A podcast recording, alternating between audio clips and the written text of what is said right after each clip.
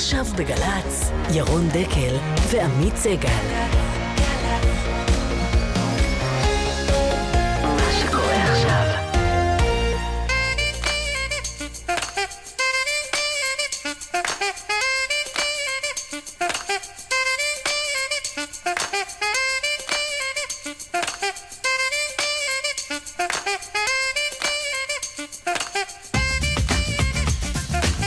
תשע וארבע דקות, בוקר טוב עמית. בוקר טוב ירון. מה שלומך? אין תלונות, איך אצלך? טוב לראות אותך כאן בינינו. בהחלט. חסרתי אותך בשבוע שעבר. שורה של אה, סקנדלים, פרשיות, אה, כותרות, טראמפ, מרגל ישראלי בדאעש, נתניהו והחקירות. עוד מעט יהיה כאן אה, ראש הממשלה ושר הביטחון לשעבר אהוד ברק לשורה של שאלות בענייני היום, גם על המאמר שכתב כמבקר ספרות בעיתון הארץ. כן, פעם אמרו, אין תמורה לאגרה. עברו 72 שעות מהתאגיד החדש, ואפשר לקבוע בצער, אין אגרה, אבל בינתיים גם אין כל כך תמורה. אדם יושב מול המסך ושואל, מה, על זה כל המהומה?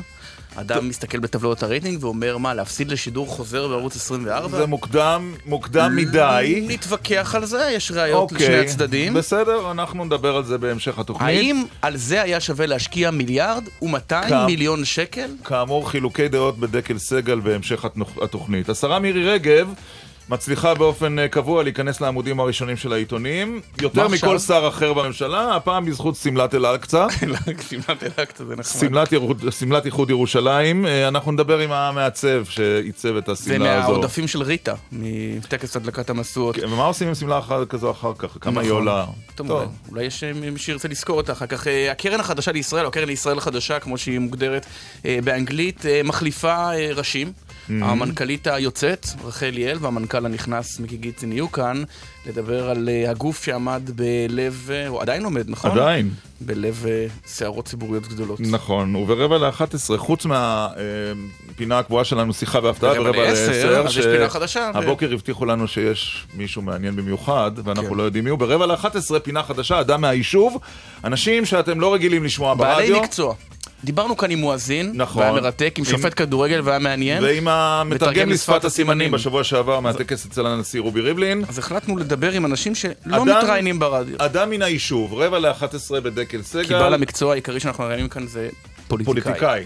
נכון, או מקבל החלטות אה, אחר. אמת. אנחנו אה, כאן עד 11, והיום, רגע, לא אמרת מי היום.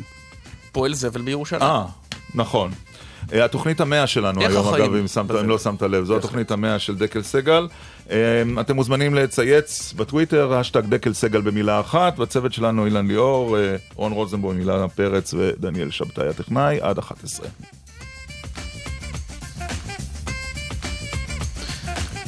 בוקר טוב לראש הממשלה לשעבר אהוד ברק. בוקר אור. אתה, אתה זוכר איפה היית אתמול לפני 18 שנה? אתמול לפני 18 שנה בכיכר אה, רבין. הרבה מאוד עבר מאז. 18 שנה. כן, זה נכון. ומים רבים עברו בירדן, 18 שנה לניצחון שלך בבחירות ב-1999, ואנחנו בפתחו של אה, ביקור אה, אמריקני רם דרג בשבוע הבא, ל-20 ומשהו שעות אה, כאן בירושלים. כשהנשיא האמריקני הוא אה, תזזיתי, ללא מדיניות חוץ ברורה, איך אתה היית נערך לביקור כזה?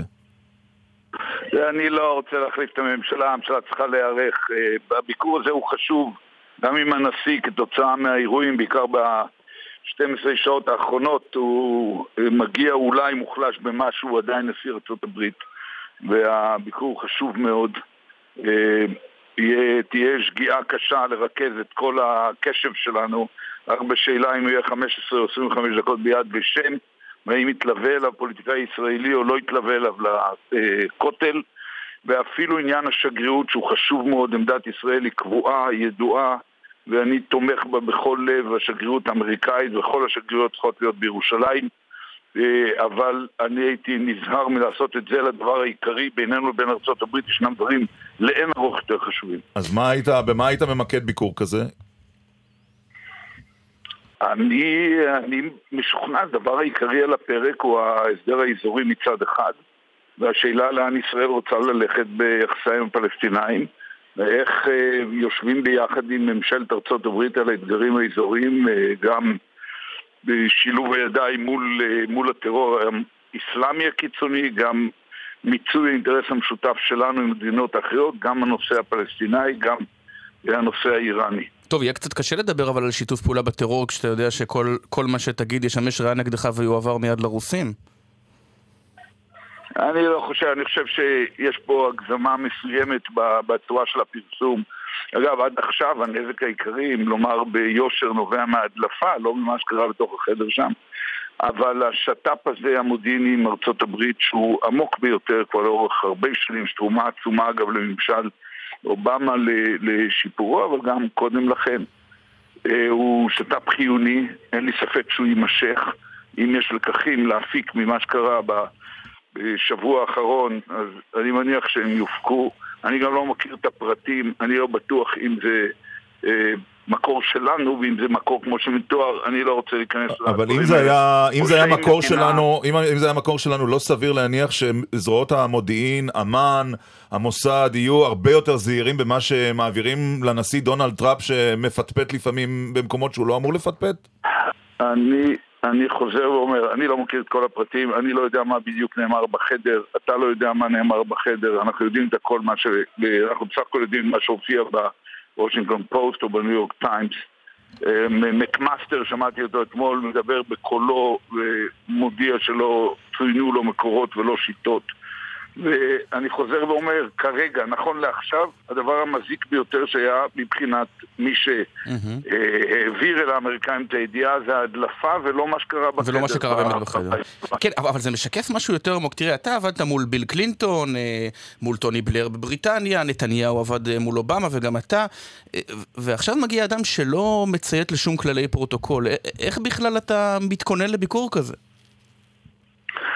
תראה, אני, אה, קודם כל, היכולת להיות לא פרדיקטבילי, בלתי צפוי, זה יכול להיות כלי חשוב מאוד בגיאופוליטיקה, בהנחה שמי שנוקט בדרך הזאת אה, הוא לעצמו, בתוך מעגל אנשיו, יודע בדיוק מה הוא רוצה, וזה כמובן, אנחנו לא יודעים את זה עדיין בביטחון לגבי הנשיא החדש. אה, אני הייתי מתרכז בעיקר. תראה, בסוף הנשיא הזה, מעבר למה שקרה עם הרוסים, או לא קרה, אני אפילו לא יודע, הנשיא הזה העביר את, את לפחות את ממשלת ישראל, את הימין הישראלי, מאופוריה לפני חודשיים, איזה משהו נראה כמו גילויי דיפרסיה בימים האחרונים. ובסוף לא בטוח שהוא שינה משהו. אני לא יודע אם יש הבדלים גדולים בין מה שביבי שמע ממנו לפני בחודשיים בבית הלבן לבין מה שהוא שומע אה, או למה שהוא ישמע עכשיו. מה שברור הוא שהיות וזה נשיא ארצות הברית, היות והוא עובר גם, הוא נפגש כבר עם כל אה, ראשי השכנים שלנו. אה, בסופו של דבר, אם הנשיא הזה יהיה נחוש, אז הוא יכול להביא את הצדדים להחלט... ל... מצב שהם ייאלצו לדון בדברים שהם לא... אבל הוא לא יכול לכפות עליהם, הוא לא יכול לכפות עליהם דיל, הרי אתה היית בצמתים של קבלת החלטות. אי אפשר לכפות הסכם על צדדים שלא מעוניינים בו. נכון מאוד, אבל אפשר אה, לברר אה, מה מידת בחירותם של הצדדים, והם עלולים למצוא עצמם לשלם מחיר, מחיר מסוים. בסופו של דבר בין נתניהו לבין אבו מאזן לא נשארה אף טיפה אחת של אימון mm-hmm. והם תמרנו כבר כמה נשיאים בעבר לאורך שנים ארוכות בלא להגיע כלום אבל המצב שהתקיים אה, של נתניהו מול אובמה כאשר הוא למעשה שימש במשך שש או שבע שנים כמו איזה אל נגח מטעם המפלגה הרפובליקאית, mm-hmm. אולי אפילו המממנים שלה, שניגח בחופשיות את נשיא ארצות הברית, כשברור לו שהרפובליקאים קצת דמוקרטים ואיפה כל הזמן איתו, ואז הוא מוגן מפני אפשרות של נזק ממשי, ויכול להמשיך ל... ל... כמעט הייתי אומר להתבלט בארצות הברית, מי שמתנגח עם הנשיא הוא בהכרח גם נהפך לדמות חשובה בארצות הברית. ועכשיו כבר לא. מול, מול טראמפ, אף אחד מהדברים האלה לא מתקיים. אין לו שום מנוס, טראמפ לא תלוי לא במפלגה שלו, בטח לא בשנה ורבע הקרובות. ובטח לא במפלגה השנייה. אבל אהוד ברק... והוא בס... עלול לבוא אל... ברוח מה ששמענו ממנו במסיבת העיתונאים המקורית עוד, הוא עלול לבוא אל נתניהו ואל אבו מאזן ולומר, ג'נטלמן, אה, מר נתניהו, תביא תוך כמה שבועות תציג לי תוכנית שלפי דעתך אבו מאזן יכול לקבל, ולאבו מאזן לומר תציג תוכנית שלפי דעתך הממשלה הישראלית יכולה לקבל, ואם אתם לא תביאו תוכנית, אז אני אביא תוכנית, אם יהיה צורך אני אתאם אותה עם הרוסים ועם האירופאים ונביא אותה למועצת הביטחון. טוב, עם הרוסים בטח לא יהיה קשה לתאם, אבל, אבל כשאתה מסתכל על המצב, הרי בסופה של כל הפוליטיקה הזאת והקפריזיות של טראמפ והעובדה שהוא בלתי צפוי, בסוף כל זה יושבים הפלסטינים. אתה בשנת 2000 הצעת לערפאת, לא רוצה להגיד את הכל, אבל את ההצעה הנדיבה ביותר שהוא אי פעם קיבל מראש ממשלה ישראלי, והוא אמר לא, וב-2008 אולמרט הציע לאבו מאזן הצעה עוד יותר נדיבה, והוא לא טרח אפילו להשיב. אז אנחנו משחקים שחמט עם עצמנו פה, אין עם מי לדבר בכלל. אני לא יודע, זה, אתה מדבר על זה בביטחון כמעט עובדתי ואני לא רוצה להיכנס לכל הפרטים, ברור שבצד השני נושא, נושא באחריות המרכזית ויכול להיות שהאמריקאים והאירופאים בחלק מהאחריות. מי שחושב שלנו אין חלק בזה מדבר גם כן שחק שח עם עצמו. אבל אני חוזר למה שאמרתי קודם. אם נשיא ארצות הברית יהיה מספיק נחוש כדי לומר תביאו לי תוכנית שלפי דעתכם הצד שני יכול לחיות איתה ואם לא תביאו, אני אביא את התוכנית שלי בתיאום עם האירופאים והרוסים אל אה, מועצת הביטחון, שני הצדדים יעמדו על קצות האצבעות ויתאמצו יותר ממה שהם התאמצו בכל, אה, ב-12 השנה האחרונות. אז זה מביא אותי... אז אני לא... זה מביא אותי למאמר לא שכתבת, לא אהוד ברק, בעיתון הארץ בשבוע שעבר, אה, קצת הופתעתי לראות שאתה מבקר ספרות מעת לעת, אבל כתבת מאמר... חייבים להתחיל מאיזשהו מקום. כן, נכון, נכון, נכון. אבל לא בהרבה... לא רציתם אותי... לא רציתם אותי בתור פועל זבל מירושלים, תקבלו אותי בתור מבקר ספרות. או מעצב שמלות למירי רגב. כן. זה לא, זה יהיה יותר קשה. זה יהיה יותר בכל זאת, כתבת, נדמה לי את זה... אני לא אעמוד בעניין המדידות. עניין המדידות, אני לא אעמוד, בעיצוב יש לי רעיונות. בכל אופן, התחלת כמבקר אה, ספרים במאמר של 4,000 מילה, לא מאמר קצר, על הספר מלכוד 67 שכתב אה, אה, הדוקטור מיכה, מיכה גודמן, וזה מביא אותנו לסיפה של התשובה האחרונה. מה היית כן מציע לפלסטינים שהם יכולים לקבל? שלא הצעת עד היום. לא, שישראל, גם אתה וגם אחרים, לא הציע עד היום. איך אפשר? אתה אומר, חייבים להתקדם. איך? תראה, אה, קודם כל, אני ב... כתבתי ביקורת ספרים, לא כתבתי תוכנית מדינית, אז כל מי שמתפלא מדוע אין שם תשובות, מה בדיוק אנחנו צריכים לעשות, אין, כי זה לא הנושא של המאמר. תראה, אני חושב שמזה שנתיים וחצי ממשלת ישראל מחמיצה הזדמנות, היא, ממשלת ישראל מצטיינת בדיבורים ומגמגמת או, או מדדה במעשים. איזו הזדמנות, מר אה, ברק? איזו הזדמנות? איזו הזדמנות. אפילו ב-2014 ציפי לבני הציע הצעה נדיבה. גם, פוף, זה נעלם, כמו שאמר מזכיר המדינה קרי. תראה, אין לך סיכוי לשמוע את תשובתי, תיכנס לדבריי. אז ישנה הזדמנות שמונחת שנתיים וחצי על השולחן לוועידה אזורית שתמצה, במקום למלמל על האינטרס המשותף שלנו עם מדינות האזור ולטרטר את העולם כולו, את סיסי, את אה, המלך עבדאללה ואת אה, קרי, אולי גם את אה, בוז'י הרצוג, היה צריך לפעול כבר לפני שנתיים, לפני שנה וחצי, לפני שנה, ההזדמנות הזאת תחלוף, היא קיימת פעם בדור, היא לא תתקיים שם לנצח, לישראל יכולים להיות מי שיטענו שמהפלסטינאים אין לנו מה לקבל, אלא רק לתת להם, מהעולם הערבי יש לנו הרבה מאוד מה לקבל, עומדת הזדמנות, ישנו עניין משותף לבלום את הטרור המוסלמי הקיצוני, יש עניין משותף להחזיק בפינה את איראן עם הכוונות ההגמוניות והגרעיניות, יש פרויקטים אדירים של אנרגיה, של מים, של, תש... של תשתיות תחבורה אזוריים, אי אפשר להזיז את הדבר הזה בלי לזוז גם עם הפלסטינאים. אני זה... אומר שהעניין הזה חייב להיבדק. עכשיו אני חוזר... רגע, אבל אם זה לא הולך, אתה, אתה חושב ש... הנה הפלסטינים, כן. אם זה לא הולך, אז יש מקום לשקול צעד חד צדדי? אני חוזר אל הפלסטינאים. ייתכן, אני לא יודע ולא נדע עד שלא ננסה, אני לא מאמין בניחושים, אבל, ואין לנו מה להפסיד כי אנחנו המדינה הכי חזקה באזור ואין שום גורם, בטח לא המדינה המפורזת הפלסטינאית שיכולה לאיים איום קיומי על מדינת ישראל, כמו שעולה מההגיגים של, של גודמן. ייתכן שלא ניתן להגיע היום להסדר, אני לא בטוח בזה, אבל ייתכן.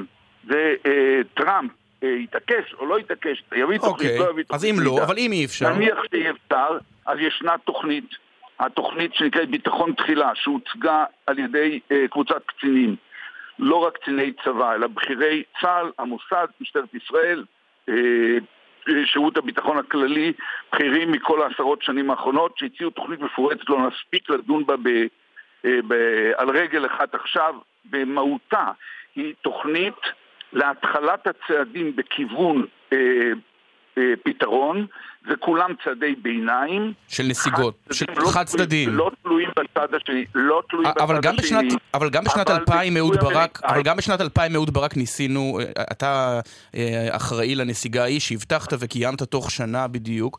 גם אז אמ- אמרת שמבעד למס... אה, הנסיגה תיתן לנו לגיטימציה בינלאומית, והנה חטפו לנו שני חיילים, וחיזבאללה התחמש כמו שהוא לא התחמש מעולם. טוב. אז ננסה את זה עכשיו בגבעות השומרון? סליחה, קודם כל בוא נגמור קודם את הפלסטינאים, ואחר כך תזכיר לי עוד פעם אני אחזור ללבנון, יש לי מה להגיד גם על זה. אני חוזר אל הפלסטינאים. מה שמתקיים לפנינו היום זה הנהגה לאומית שמתעתעת בציבור הישראלי, מספרת לו אגדה שההתנחלויות המבודדות הן נושא ביטחוני חיוני למדינת ישראל, שבלי המשמעות שלהם בבלימת כל אפשרות להסדר עתידי ב...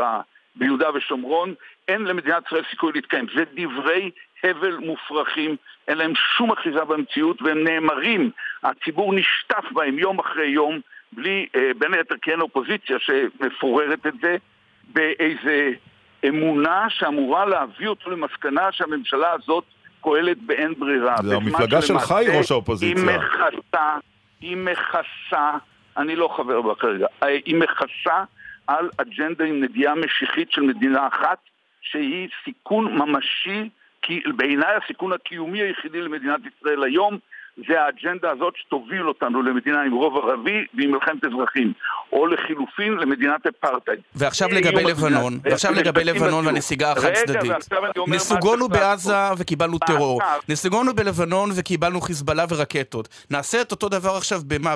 בשכם, ביצהר? קודם כל, אה, אה, עמית, אתה באמת אה, משדר מוכשר של שטיפת אני המוח. מודה לך. אתה זוכר כמה הרוגים היו, כמה אזרח, חיילים וכמה אזרחים היו הרוגים בשנת 2004 בעזה, שנה לפני הפינוי, אתה זוכר? אני זוכר שהיו קצת יותר, אתה אבל אני... יכול לתת לי מספר? אני רוצה, אבל, כן, אבל הדברים לא נמדדים רק בזה, הרי ועדת וינוגרד העידה, לא- לא, אני- לא, אני אענה, זאת שאלה מאוד חשובה, ועדת וינוגרד העירה לאהוד אולמרט שהעלה את אותו טיעון במלחמת לבנון, והיא אמרה, לא הכל נמדד רק בהרוגים, כי הוא השווה את זה לפיגועים בירושלים. היא אמרה, כאשר אתה מכניס מאות אלפים, ובמקרה הזה מיליונים לטווח הטילים, לדבר הזה יש השפעה דרמטית. אם היינו בעזה, לא היו טילים, לא על תל אביב ולא על כל הדרום. אוקיי, אז קודם כל אני רוצה להעיר את תשומת לבך שב-2004 היו 44 הרוגים, 31 חיילים ו-11 אזרחים. גם נורו ב-2004 1,500 רקטות. זה נכון שהם לא הגיעו אז לתל אביב. ואני אומר לך שאילו הדברים שלך היו נכונים, אז במדינת ישראל היו אנשים אה, עם, אה, בחושיהם המלאים שהיו אומרים לך היום שאם ניתן היה להחזיר את המצב לעזה, לחזור לעזה לשליטה מלאה בעזה כמו שהיינו קודם, בלי שאף חייל אחד ייהרג בדרך, אבל שנצטרך להתמודד עם המסקנות של הדבר הזה בהמשך. נצטרך לחזור לדאוג לאוכלוסייה, לחיתולים בבתי התינוקות, לחלב, לתרופות ולטרור בעזה. אז ישראלים בחושיהם המלאים כמוך היו בטח רוצים לחזור. לא, כי לך, ב-2005 כי ב-2005 למעט זה לא היה מצב, אנחנו נסוגונו מעזה העיר כבר ב-93, כמו שאתה זוכר. ב-2005 למעט- פשוט החלטנו להפקיר את ציר פילדלפי, לברוח משם. ולחטוף רקטות על תל אביב, שאתה אומר את זה כאילו דבר של מה בכך. שמע, זה אירוע דרמטי. אני, חוזר ואומר שחוץ מדקלומים בטלוויזיה והכרזות אה, לצרכים פוליטיים פנימיים, אין אדם שקול במדינת ישראל שהיה לוקח את המעשה הזה של שרון, שהוא אחרון, באמת, מאבות ההתנחלות, אחרון האיסטניסטים בקשר לערבים, אין אדם בשיקול דעת שהיה חוזר לעזה היום בחזרה. אגב, אותו הדבר נכון לגבי לבנון. אה, כל מי שמבקר את לבנון, ואני אומר לך גם בלבנון, בלבנון היו, כשאנחנו יצאנו מלבנון, יצאנו בשנת 2000, היו בלבנון לחיזבאללה כבר 7,000 רקטות, עכשיו יש יותר מ-1,000, היו 7,000 רקטות. במלחמת לבנון השנייה השתמשו רק ב-4,000 מהם, זאת אומרת, מלחמת לבנון השנייה השתמשו בפחות רקטות ממה שהיה לפני שעזבנו. גם כשעזבנו את לבנון אז- אז- ב-2000, אוקיי, אז זה לגבי היו כבר לבנון- 100 רקטות זה שמגיעות לגבי לא לבנון. לא לבנון, רק שנייה, שאלה, זה לגבי לבנון ועזה. לא, אבל אתה בסוף, אנחנו ערב יום ירושלים. אהוד ברק. ואתה ראש לא הממשלה. שהציע לחלק את ירושלים. זה גם קשור לביטחון ודמוגרפיה? עמית, תכף אני אחזור, אני אחזור, אני עכשיו בלבנון. עכשיו אני אומר לך שהלגיטימיות הבינלאומית שאנחנו השגנו כתוצאה מהיציאה מלבנון זה מה שאפשר את ביצוע אה, מלחמת לבנון השנייה. אלמלא היינו יוצאים ככה לא היינו מגיעים למצב שאנחנו פועלים בלבנון ושישה ראשי ממשלה מגיעים אלינו לתוך מדינת ישראל. בכל מלחמת לבנון השנייה לא הופעלו אפילו חצי מהרקטות שהיו להם לפני שעזבנו, לכן אין שום קשר בין יכול, יכולתם לראות רקטות מלחמת לבנון השנייה לבין אוקיי. היציאה okay. מלבנון בשנת 2000. עכשיו אני רוצה לשאול... אין לדברים האלה שום קשר. עכשיו אני, אני רוצה, רוצה לשאול עוד שאלה. בעצם מה שאתה אמרת כאן, אהוד ברק... שהחזיר, אני רוצה להחזיר, להחזיר רגע לעמית חצי אבל דקה, לא, חצי אבל אנחנו דקה. לא נסיים עם זה. מי שהחזיר את חברון, כן. עם מה לא תסיים? לא, אנחנו אני מדברים אומר על, שאלה- אנחנו מדברים על ההיסטוריה, ואני רציתי לשאול שאלה על עכשיו. כי הוויכוח ההיסטורי לא. הוא חשוב כשלעצמו, אבל מה שאתה אמרת הוא- בעצם... הוא מפקד רגע. עכשיו, ירון, אנחנו צריכים לא, לתת אני לו לא את זה. מפקד, אבל מה ש... אני, אני ממש רוצה להתמקד בעכשיו, מה שאתה אמרת כאן, אהוד ברק, שאתה דיברת על הקצינים הבכירים, הוא, זה, זה קצת נבלע, שבעצם אם זה לא מסתדר עם הפלסטינים, אתה תומך בצעדים חד צדדיים. אני לפני 17 שנה, כשסיימתי, או 16 שנה, כשסיימתי להיות ראש ממשלה, אה, כשעמדנו לבחירות, אמרתי, היות ואין לנו פרטנר לעת הזאת בערפאת, לא אמור לשתק את ממשלת ישראל, אני מציע לעשות היפרדות חד צדדית בגיבוי אמריקאי מהפלסטינאים, אנחנו כאן והם שם, לכונן גדר סביב גושי היישובים, אה, כולל ה... אה, פס לאורך נהר הירדן בסביבה? אתרים אסטרטגיים כשדאעש בסביבה? הב- את השליטה הביטחונית בכל האזור עד שיהיה הסכם ובמסגרת ההיפרדות הזאת להתחיל להניע את הדברים באופן חד צדדי לכיוון שלא סוגר את האפשרויות. האסון שלנו הוא לא במצב הנוכחי, האסון שלנו מחכה בסיכון שאם לא נשים טריז על הדרך המפוקפקת שממשלה בלתי אחראית מובילה אותנו אליה, של מדינה אחת, אני אומר לך, הקיצוניים בשני הצדדים רוצים אותה, וזה מה שמטריד אותי יותר מכל. שתהיה או מדינה עם רוב ערבי ועם מלחמת אזרחים, או מדינת אפרטהייד, שתהיה אוקיי. גם תבואה באלימות, גם מנודה בעולם. את הדבר הזה צריך למנוע, ואני מציע לכל מי שלא יהיה, הרי לא דיברנו בכלל על התוכנית עצמה. תעיין בתוכנית באתר של מפקדים למען ביטחון ישראל, תמצא שיש לה אוקיי. היבטים יש לה היבטים ביטחוניים, יש לה היבטים מעשיים, כתבו אותה אנשים שעסקו כל חייהם בביטחון. זה נכון שביטן אולי מתפלא למה הם נהיים שמאלנים כשהם מתחילים לקבל את התפקידים האחראיים במדינה. הם גם הבטיחו שלא יהיו רקטות מעזה אחרי ההתנתקות. זאת אומרת, זה שאדם עם דרגות. לא תמיד אומר שהוא הכי מבין. זה, תסכים איתי, נכון? זה בגלל האחריות. אנשים שעוסקים יום-יום בחיי אדם לא מתעסקים באמונותיהם, במשאלות ליבם, הם מתעסקים במה עושים אני- כדי להבטיח את הביטחון ואת העתיד של אוקיי, ישראל. אני רוצה ברשותך לעבור גם לשני נושאים אחרים. אמרת קודם ככה במובלע שאתה לא חבר מפלגת העבודה, אתה חבר הסתדרות? לא. גם לא חבר הסתדרות? אל אתה... ת- אל תשמע כל כך אה, לא, זה- מצטער על זה, זה לא כזה הפסד. יש רבים שהם לא חברי לא, הסתדרות, זה לא, בסדר. תראה, אני הייתי, יש לי, יש עוד פנקס אדום, אבל אני לא חושב שאני אבל, הסתדרות. אבל יש לך עמדה בין אה, חברת הכנסת יחימוביץ' ליושב ראש המכהן ניסנקורן? כי אני הבחירות לא בשבוע מבין, הבא. דקל סגל, אתם מתעקשים להעביר את המאזינים לתחנות אחרות? למה? אתה חושב שזה לא מעניין? השאלות האלה, אתה תתחיל, אני אתחיל לענות, אתה תשאל ואני אענה. אה. אני מבטיח לך שהמאזינים עוברים תחנה. אז בוא אני אציע שאלה אחרת. אני לא מומחה בש- בדברים האלה, אני לא פרשן פוליטי וזה לא נראה לי דברים... אתה לא מפסיד אני- כלום, לא- לא- לא מקצוע להיט בימים אלה. אבל לא, בשבועות אני חושב האחרונים... שהמאבק הוא חשוב ושני המועמדים הם אנשים רציניים. יפה. בשבועות האחרונים פורסם בעיתון הארץ על הקמת חברה חדשה לתועלת הציבור, אחריות לאומית שמה, אה, שבה חברים דנה זיידמן שהייתה עוזרת שלך, אושי שהיה מנכ"ל מפלגת העצמאות, ועוד מקורבים ואחיינים. אז אם זה נראה כמו קאמבק, ויש חברה לקאמבק, אז זה קאמבק. לא, אתה אמרת, היות ואנחנו נשאלנו במפורש, אז גם אה, אני, גם משרדי וגם החברה הזאת הוציאו תשובה, והתשובה אומרת שהחברה באמת קמה, והיא מתכוונת ל- ל- לסייע לכל מי שרוצה, גופים, אנשים ועניינים, ביניהם אה, אהוד ברק, שעוסקים בנושאים של אחריות לאומית, בקידום הערכים של אה, הכרזת העצמאות.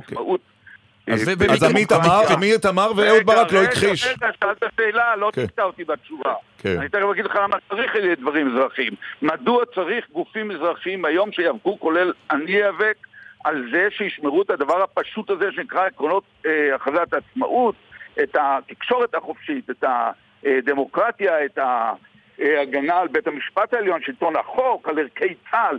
צריך את זה משום שממשלת ישראל הנבחרת, במסגרת האג'נדה שלה, היות והיא מבינה שאין לה סיכוי להתמודד עם חברה אזרחית חזקה ועם תקשורת... אה, אבל מה זה חברה אה. אזרחית? זה חברה, זה זה כל המקורבים שלך, זה אנשים שאם ניקח כל תמונת אה, ארכיון שלך כשר ביטחון, הם היו שם. מה זה, זה כמעט מפלגה. מה, מה, מה הבעיה עם זה? אין בזה שום דבר. לא רק בעיה. נשמח שתודיע על זה אצלנו, זה הכל. תקשיב, תקשיב. אין לזה שייכות לקאמבק. הרי גם על קאמבק שאלת אותי ישירות ועניתי לך שאני לא מתכוון לחזור. אבל אני לא מתכוון לשבת בכורסה או לפרשן אה, ב- ב- מטלוויזיה. או לצייץ. את המציאות. אני מתכוון באמת לפעול בדרכים שעומדות לרשות אזרח כדי לבלום דבר מסוכן שקורה לנו. אני לפני שנה בנאום בהרצליה חזיתי שהממשלה הזאת עם האג'נדה הסמויה של מדינה אחת לא תהיה לה ברירה אלא לנסות באופן פעיל לרסק את בית המשפט העליון, לסתום את הפה לתקשורת, להחליש את החברה האזרחית ולקעקע את ערכי צה"ל. כי בלי הדברים האלה אי אפשר לממש אוקיי. את הצעדים הנדרשים בדרך למדינה האחת והאפרטהייד. היה עוד דבר אחד מעניין במפלגת העבודה, שחבר הכנסת הפרופסור טרכטנברג הציע למועמדים לרדת כדי שאתה תהיה המועמד. הוא עשה את זה על דעתך? הוא שאל אותך קודם? עוד פעם, אתם מתעקשים להעביר את המאזינים לתחנות אחרות? לא, אל זה תבואו מעניין. בטענות על מה שקורה לכם ברגעים האלה ממש בתחום הרייט. יש נהירה עצומה לשלום אה, קיטל. ודורון צברי.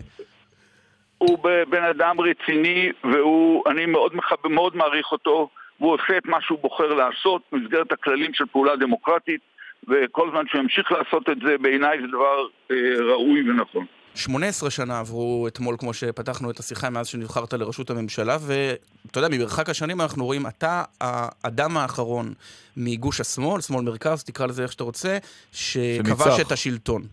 האם יכול להיות שזה כבר לא יחזור, שהדמוגרפיה הישראלית עשתה את שלה?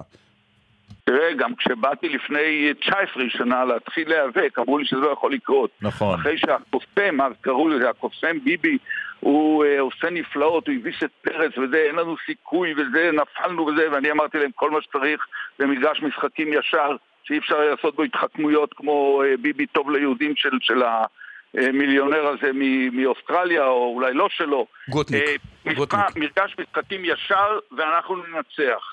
ואותו דבר קיים היום. אם תתייצב במרכז המפה הפוליטית קבוצה חזקה עם סמכות ביטחונית שלא הולכת בצל של הבתים, לא מתבייש להביא עמדה חליפית ונאבקת עם המחדלים החוזרים על עצמם, המביכים כמעט של ממשלת ישראל הנוכחית, אז אפשר להחליף אותה ולהעלות את ישראל על הפסים. הבעיה היא לא ביבי, הבעיה היא לשנות את המדיניות של הממשלה. אם נחליף את ביבי בישראל כץ או יאיר לפיד, לא קרה שום דבר. רק אם מדינת אוקיי. ישראל תקבל כיוון אחר, תעלה על הפסים, אוקיי. נעצור את הלשכה מדינה אחת ונדאג קודם כל לביטחון. ביטחון מעל הכל במעשים, לא בדיבורים. שלמות העם לפני שלמות הארץ, במעשים, לא בדיבורים. אוקיי. וחברת מופת כיעד מרכזי של מדינת ישראל. אנחנו נעצור כאן. אהוד ברק, אה, ראש הממשלה ושר הביטחון לשעבר. תודה רבה. פעם ב-18 שנה, פעם הבאה אפשר לעשות את זה ב-2035. תודה רבה לך. יום טוב. תודה. ישראל כץ ויאיר לפיד לא יעשו שום שינוי. שום שינוי, מעניין. כן, טוב, טוב, אה, עכשיו חסויות חסויות, ונשוב ו- מיד עם מיד. אה, הסלמה של מירי רגב. דקה ישראלית, יובל למלחמת ששת הימים. והפעם, הנאום המגומגם. ב-15 במאי 67, יום העצמאות ה-19, חדרו כוחות מצריים גדולים לסיני ואיימו על הגבול הדרומי. באותו יום הוכרז מצב חירום, צה"ל הגביר כוננות ואלפים גויסו למילואים. לחצים רבים הופנו לעבר ראש הממשלה ושר הביטחון דאז, לוי אשכול, בדרישה לצאת למלחמה. אשכול ניסה להימנע מתקיפה בכל מחיר, ורבים פירשו זאת כהססנות. אחרי כמעט שבועיים בשגרה מתוחה, ב-28 במאי התקבצה אומה שלמה סביב מקלטי הרדיו כדי לשמוע בשורות בשידור חי מפי אשכול. טלוויזיה לא הייתה עדיין במדינה. הנאום הודפס במכונת כתיבה, דקות ספורות לפני השידור, והיו בו תיקונים בכתב יד. לכן, כשהגיע אשכול לפסקה המתוקנת, עצר והיסס, ולבסוף הצליח לקרוא את הנוסח הנכון. כמו כן אה, נקבעו אה, קווים להשגת הריכוזים הצבאיים מגבולה הדרומי של ישראל ולפעולה לשמירת זכויותינו הריבוניות. הממשלה קובעת ומודיעה כי כוחו של צבא ההגנה לישראל עמו להכריע כל תוקף ולהבטיח את זכויותיה הריבוניות של ישראל. קטע הגמגום המפורסם, ששודר באוזני האזרחים המודאגים, הושמט מסרט ההקלטה בסרטיית כל ישראל עוד באותו יום, אולם דימויו של אשכול בקרב הציבור נפגע. הוא נאלץ לבסוף למסור את תיק הביטחון לידי רב-אלוף במילואים משה דיין. זו הייתה דקה ישראלית על מלחמת ששת הימים והנאום המגומגם. אתם עם גל"צ. חיילים משוחררים ממערך השדה רוצים להשתתף בעיצוב דמותו של דור העתיד? אם יש לכם תעודת בגרות מלאה בממוצע 100 וקיבלתם מעל 600 בפסיכומטרי, אתם מוזמנים להצטרף לנחשונים להוראה, תוכנית לימודים במימון משרד החינוך במענק מותנה. המענק מכסה את שכר הלימוד ללימודי תואר ראשון ושני ותעודת הוראה, והכל בארבע שנים בלבד. התוכנית בשיתוף הקרן והיחידה להכוונת חיילים משוחררים, צה"ל ואוניברסיטת בר אילן. המקפצה שלך. לפרטים 03-777-6770 מיקום חדש, תערוכה חדשה במוזיאון לאומנות האסלאם בירושלים. אומנים ומעצבים יהודים וערבים מציגים יצירות עכשוויות בהשראת חפצים ישנים. החל ב-11 במאי, פרטים באתר המוזיאון לאומנות האסלאם ובפייסבוק. אתם מוזמנים. אוניברסיטת אריאל, תואר ראשון עם ערכים. אתם מוזמנים לגלות איך משלבים אקדמיה עם ערכים ביום הפתוח של אוניברסיטת אריאל. ביום שישי, 26 במאי בשעה 9. לפרטים ולהרשמה חייגו 1-800-660-660. אוניברסיטת אריאל בשומרון,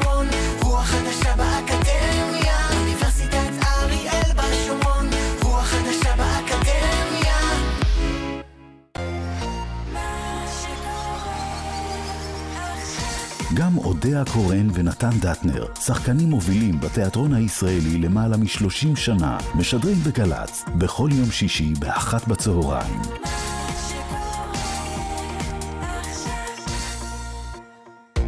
עכשיו בגל"צ, ירון דקל ועמית סגל.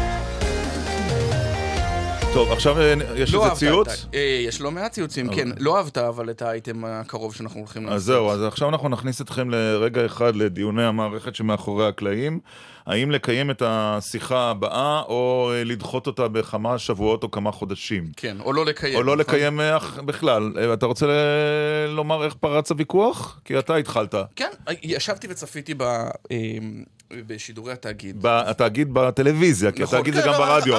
בסדר, לא, מדבר הרדיו על הטלוויזיה, ישבתי וצפיתי. הרדיו זה כל ישראל משופר ואין שום אה, טענות. ישבתי וצפיתי, ואז עוד יום ועוד יום, ופתאום אתה שם לב, קצת, אה, קצת מביך. למה?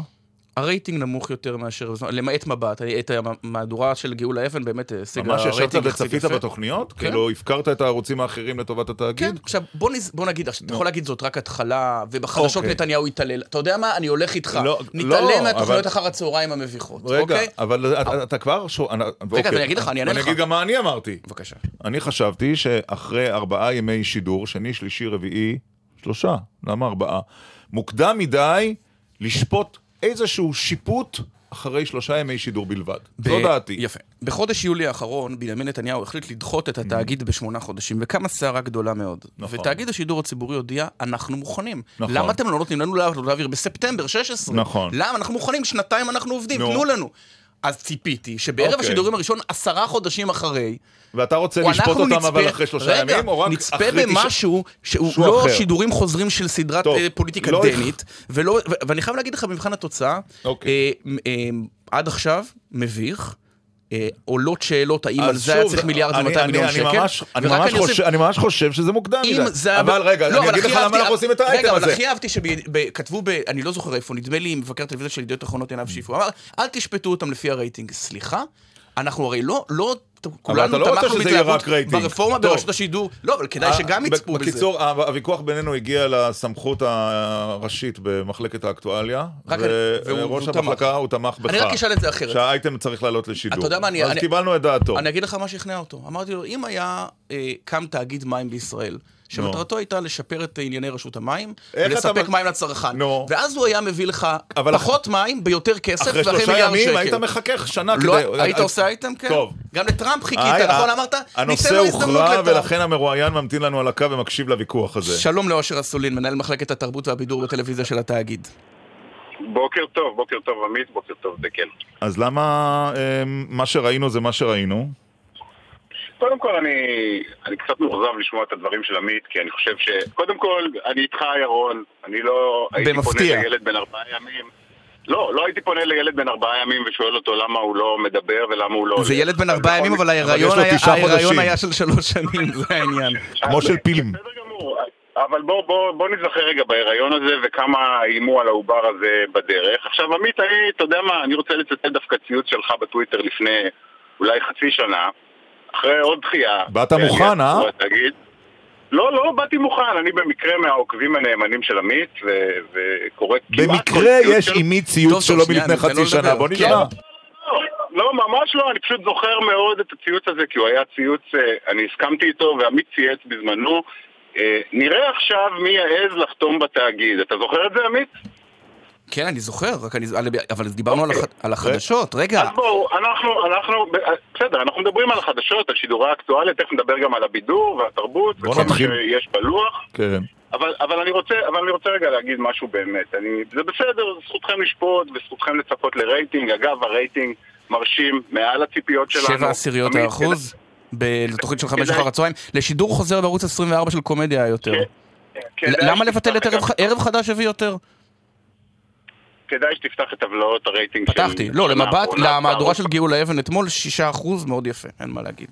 אוקיי, שישה אחוז, כי פער של כמעט אחוז, קצת יותר מאחוז מהמהדורה המתחרה בעשר, ופער של אה, פחות מעשרה אחוז מהמהדורה של חדשות. אבל ערוץ אתה. נכנס למלכודת, אתה נכנס למלכודת, אה, ראש הרסולין, שעמית טמן לך כאן ומתחיל להתווכח על הרייטינג. בוא. נצא רגע. מהרייטינג. בוא נצא מהרייטינג, כי אני בעמדתך, אוקיי, אני בעמדתך, זה מוקדם גם אה, ערוץ 2 כשהתחיל הרייטינג שלו, ותראה איזה אימפריה. לא, לא, לא כן, נכון, מהיום הראשון הוא ניצח את הערוץ. בסדר. כן. לא נכון, לא אה, מהיום לא הראשון. במבט, אבל כן. רגע, רגע, רגע, רגע. קודם כל, בוא נזכר, אמרת ערוץ 2, לא אני אמרתי את זה. ערוץ 2 התחיל, שלוש זכייניות, כל אחת יומיים שידור בשבוע, נערכו לדבר הזה המון המון זמן. ירון, אתה זוכר את זה? כן. אה, אין, אין בכלל מקום להשוואה. להקים, אני חושב שזה בגדר נס, להקים גוף שידור שעלה ביום שני האחרון עם אה, שתי, שני ערוצי טלוויזיה ושמונה תחנות רדיו ואתם אומרים, בסדר, נערכתם לדבר הזה שנה, נערכנו לדבר הזה שנה. כן, חבר'ה, אני רק מזכיר לכם ש-450 איש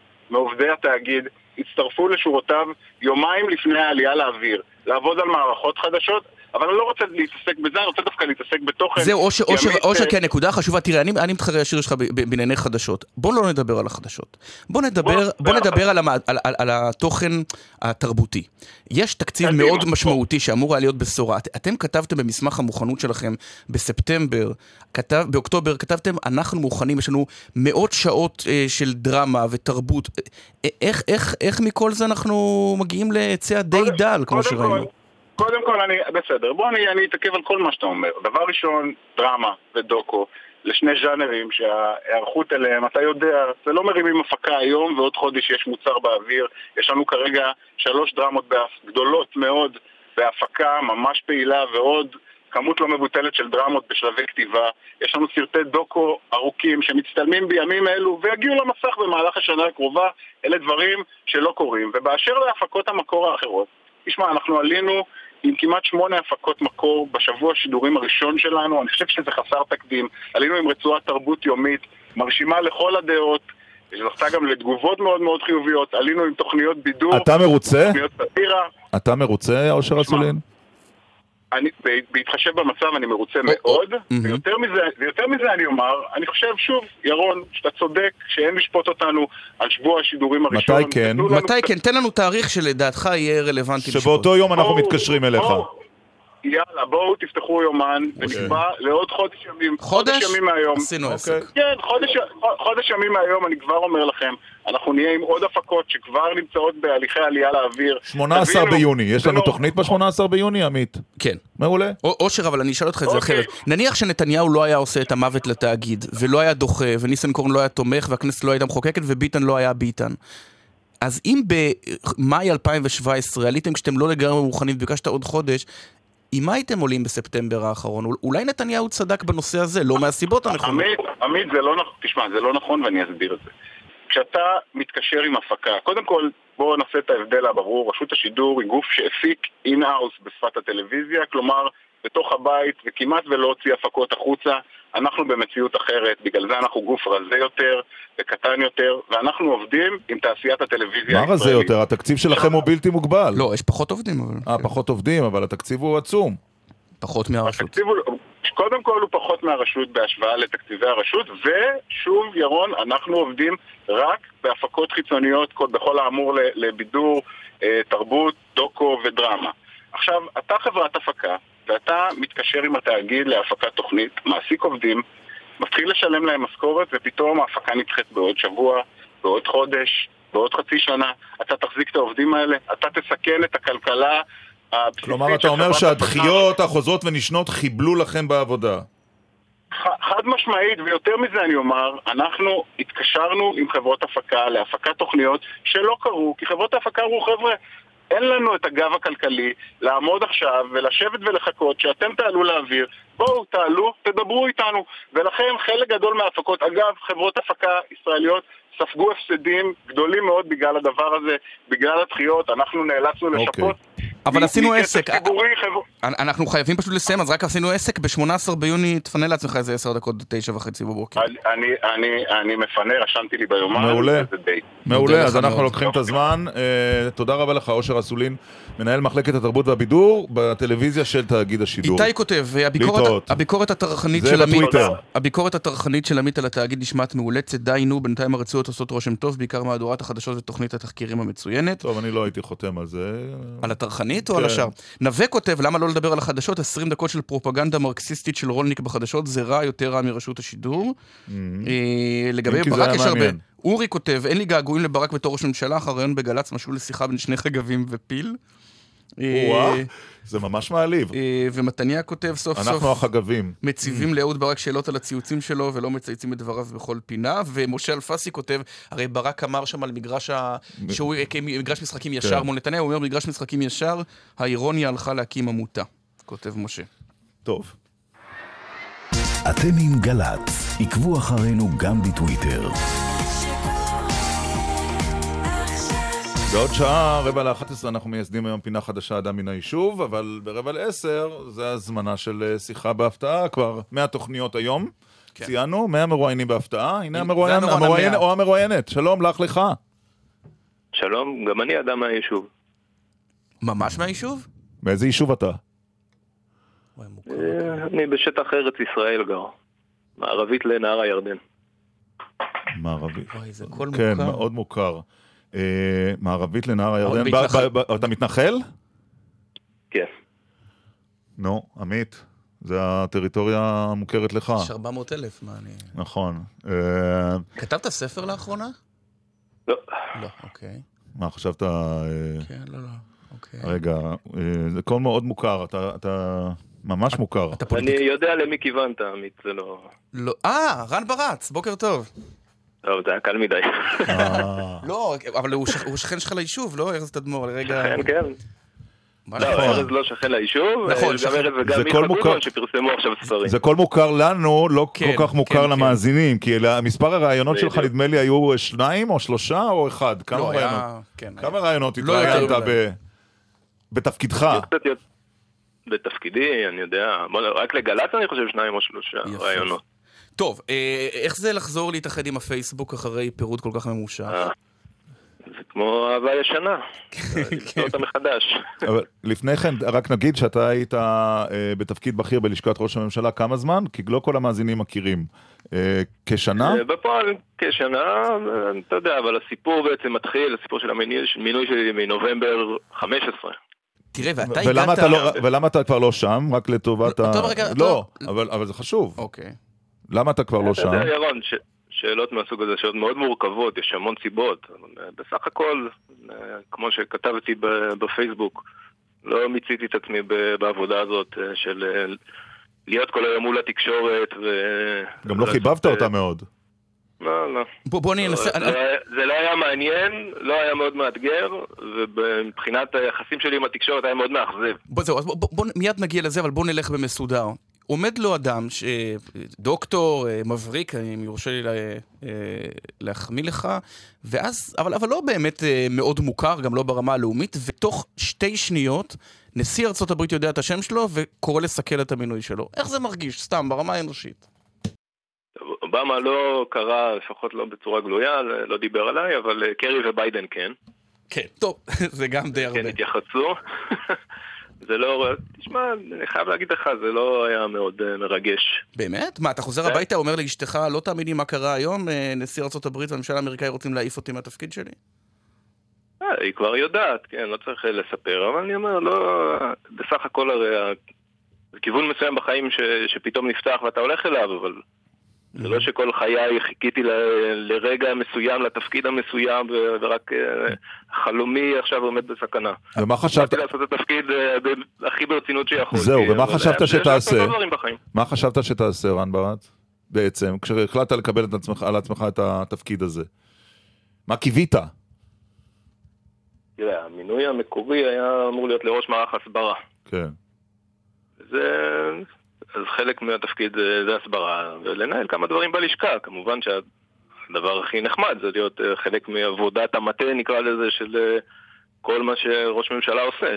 זה, זה הדבר לנס- הנחמד, להיות מעורב בדבר הזה. אפשר לנסח את זה ככה שחשבת שאתה בא לעסוק באמת בהסברה ומצאת את עצמך מתעסק יותר בכיבוי שרפות ואגו של עיתונאים ולמה לא נתנו לי את הסיפור הזה ואיך התגובה הזאת?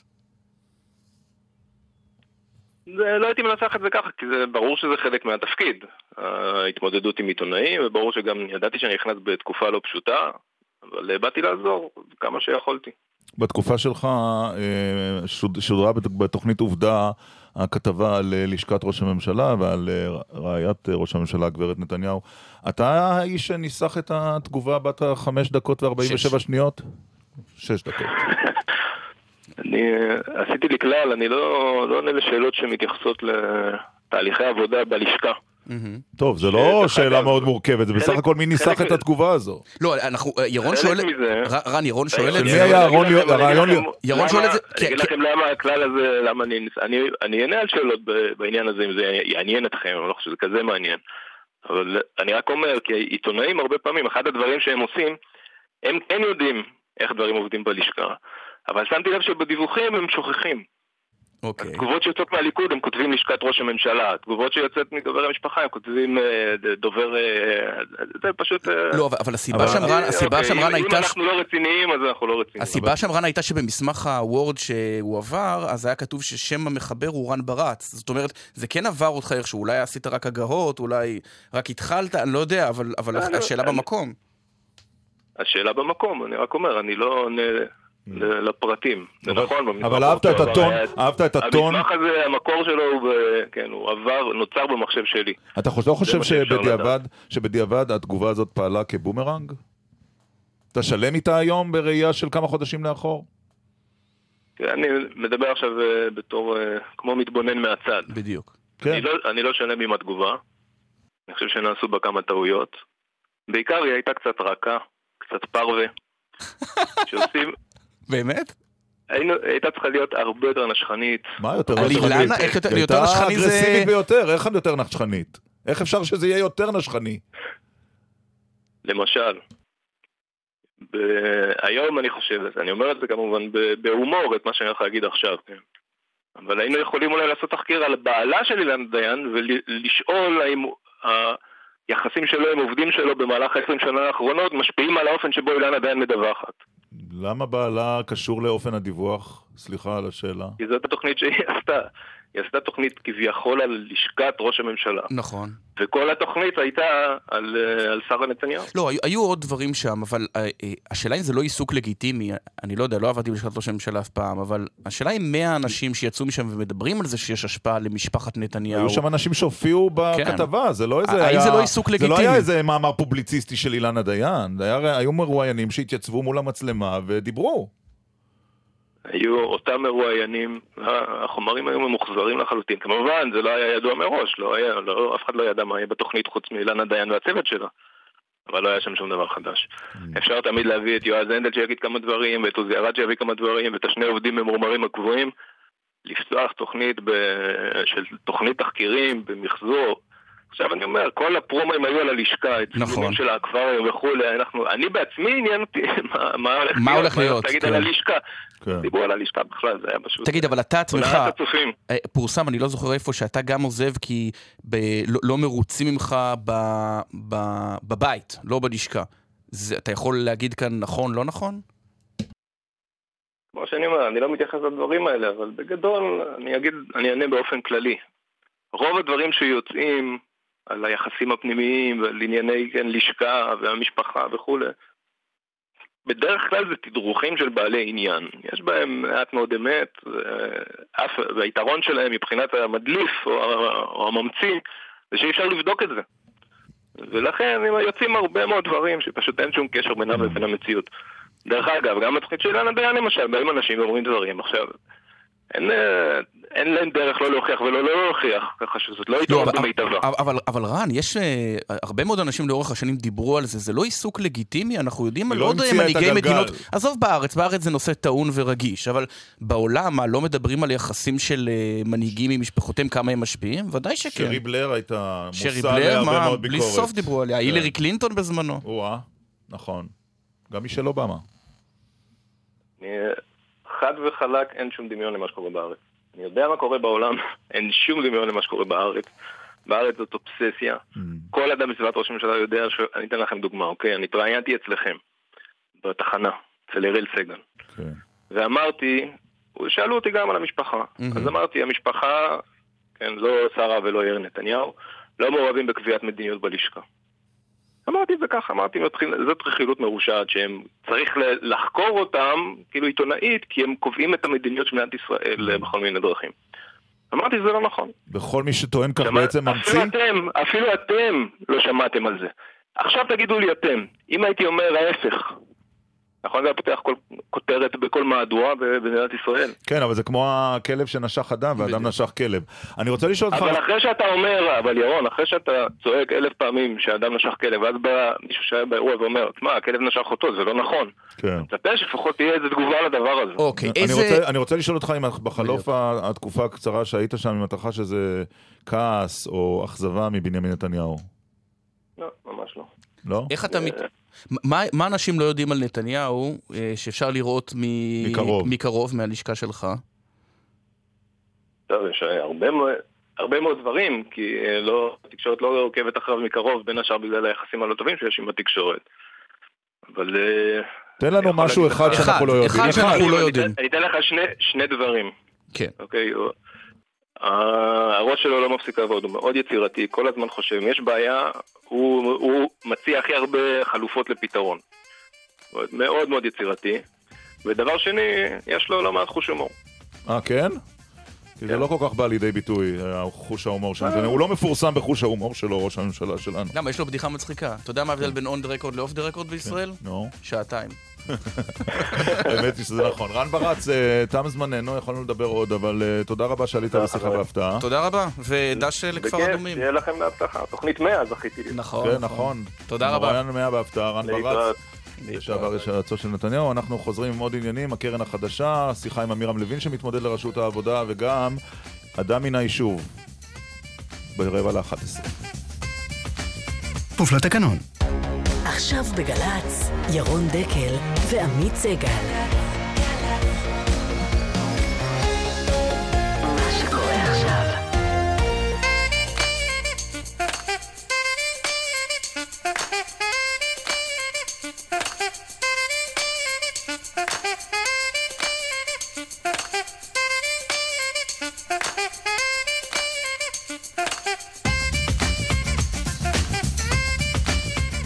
עשר אה, וכמעט חמש דקות, אה, דקל סגל השעה השנייה, יש איזה ציוץ ש...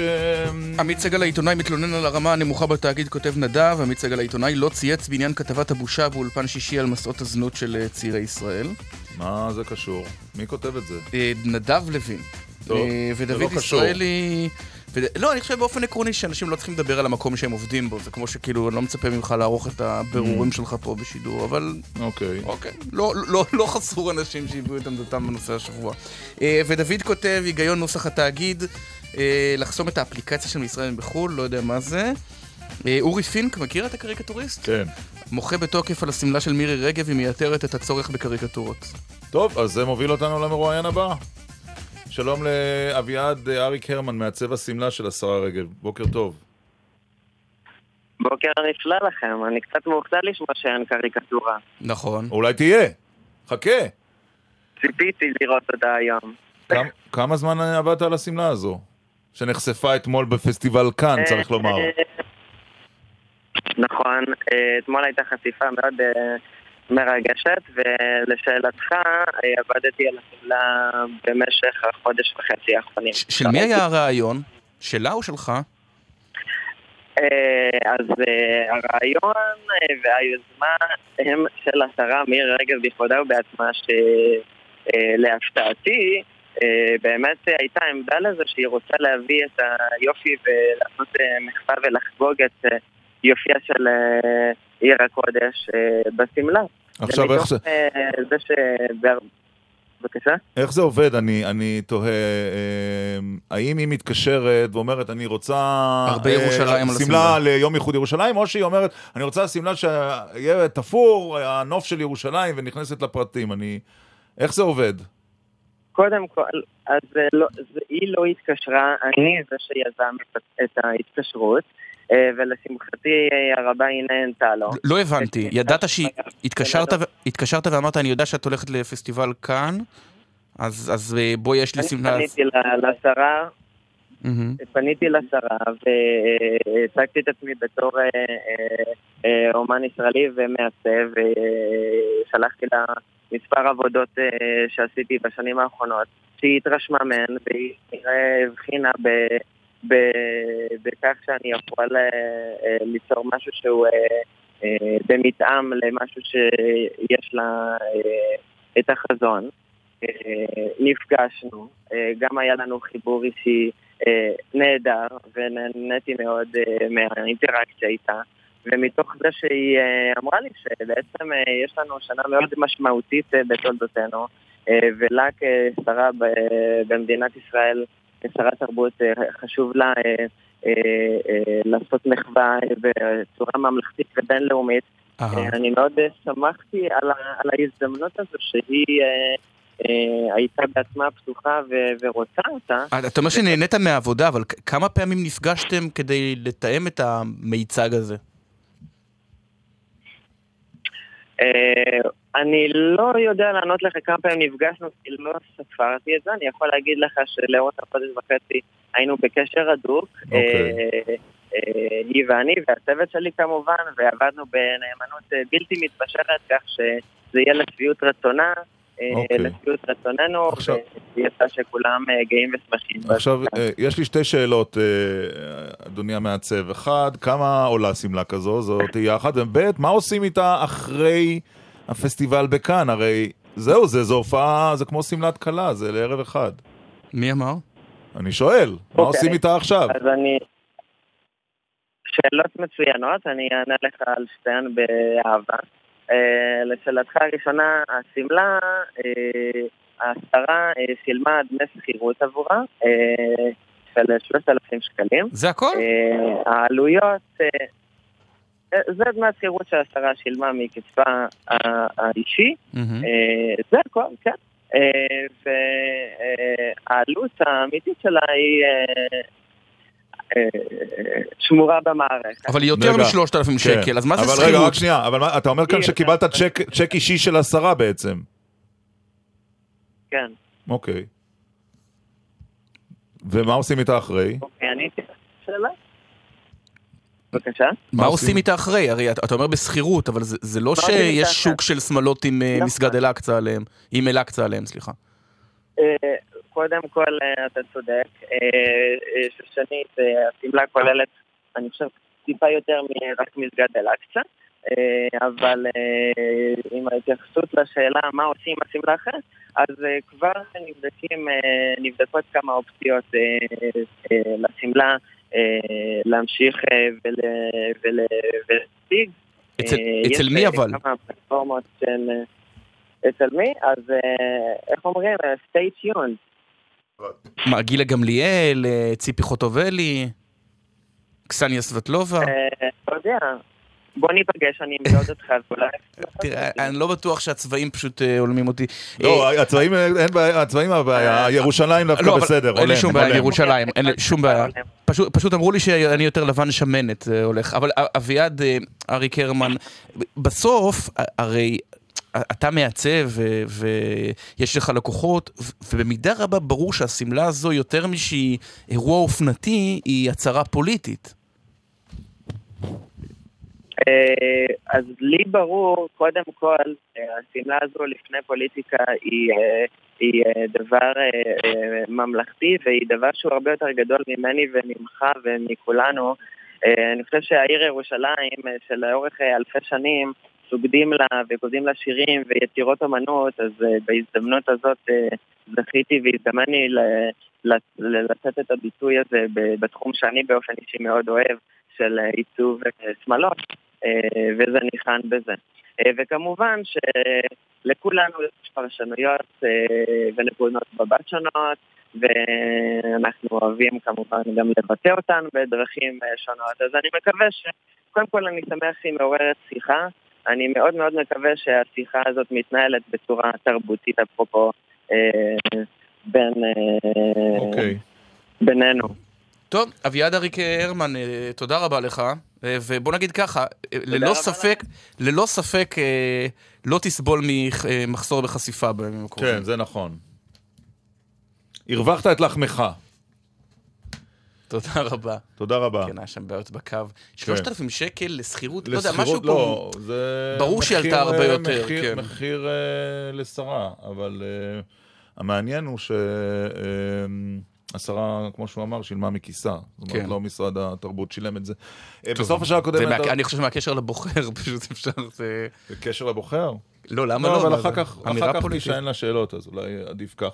אמ, אבל שוחחנו עם אה, רן ברץ ב- בסוף השעה הקודמת, אה, ובין היתר, הוא אה, דיבר על, על התגובה ל...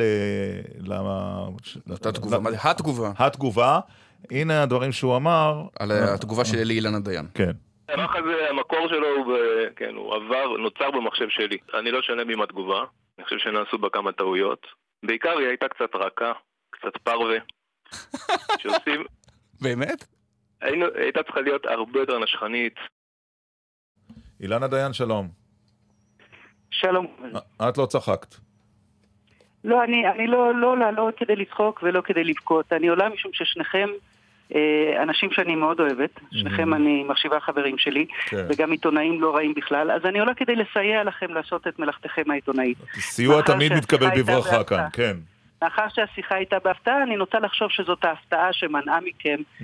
לשאול את רן ברץ שלוש שאלות פשוטות. אוקיי, בבקשה. א', האם, האם הוא יכול לעמוד מאחורי הקביעה שיצאה כמו כלשונו ממחשבו האישי שאני שמאל קיצוני? שתיים, האם הוא יכול לבסס את הקביעה שיצאה ממחשבו האישי שאני הטרגתי את ראש הממשלה אולמרט אחרי לפחות ארבע כתבות תחקיר על אולמרט ועל פרשות השחיתות שלו ששודרו בעובדה? שלוש, האם הוא יכול לעמוד מאחורי הקביעה שאני העללתי על קצין קרבי, קביעה שמנוגדת, תכלית הניגוד לקביעות של בית המשפט העליון, גם בשבתו כבית המשפט העליון וגם בדיון נוסף. כן. אז אני עליתי רק כדי לנסות ככה לעזור לכם במלאכה העיתונאית. למרות כלומר, כל- אה, כלומר, לא שאלנו מספיק שנייה, שאלות. לא, דבר, לא, דבר אחד שאני יודעת לעשות זה לקטוע מרואיין באמצע התשובה. אני גם יודעת לסיים תשובה כשאני רוצה ועוד לסיים דקה אותה. נשוב. אז, אז, אה, אז אני עליתי רק כדי להסב את תשומת לבכם, אני. נוטה לחשוב שההפתעה, ההפתעה... ההלם. הלם ההפתעה. וחברים, בסוף, גם בעידן של פוסט אמת, לנו, העיתונאים, יש רק את העובדות. כן, אבל הוא, הוא אמר, הוא, הוא די לא... הוא, הוא לא טען שהוא כתב את התגובה, הוא אומר, היא התחילה במחשבו האישי, רמז שהיא ככה עברה כמה הוא היה ידיים. שלם איתה. ובכל מקרה, את אז יודעת... בגלל, אז בגלל זה מותר, אז בגלל זה מותר לשקר. לא, אבל בגלל שהתגובה הזאת הייתה אירוע כל כך... לא יודע, אקסטרווגנטי כמו, הסמ... אקסטרווגנטי כמו השמלה של מירי רגב, זאת הייתה גדולה מהחיים, מלאה באולי רהב, זה, זה, היה לב הכינוי העניין. שהוצמד לאז היה מטורלל, זה הכינוי שלו. לא, זה לא לב איזה- העניין. זה איזה לא מהמר. כן. לב העניין, לב העניין בעיניי הן עובדות.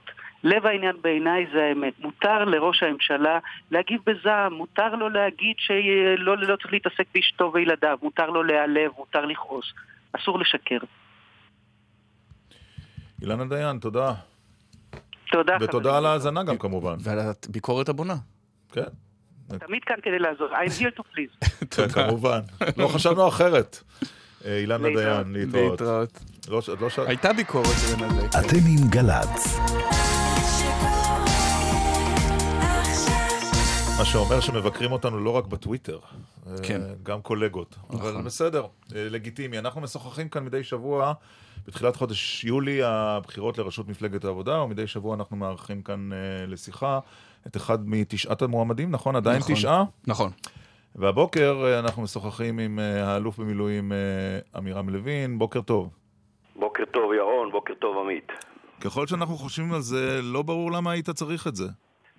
לא הייתי צריך את זה, אני חושב שהמפלגה והמדינה צריכות את זה. כן, אבל אתה לא איזה פעיל פוליטי בשנים האחרונות שמחליט אחרי פעילות פוליטית אינטנסיבית לקפוץ למים הקרים ולהתמודד על הראשות. אתה באת משום מקום קצת לראשות מפלגת העבודה.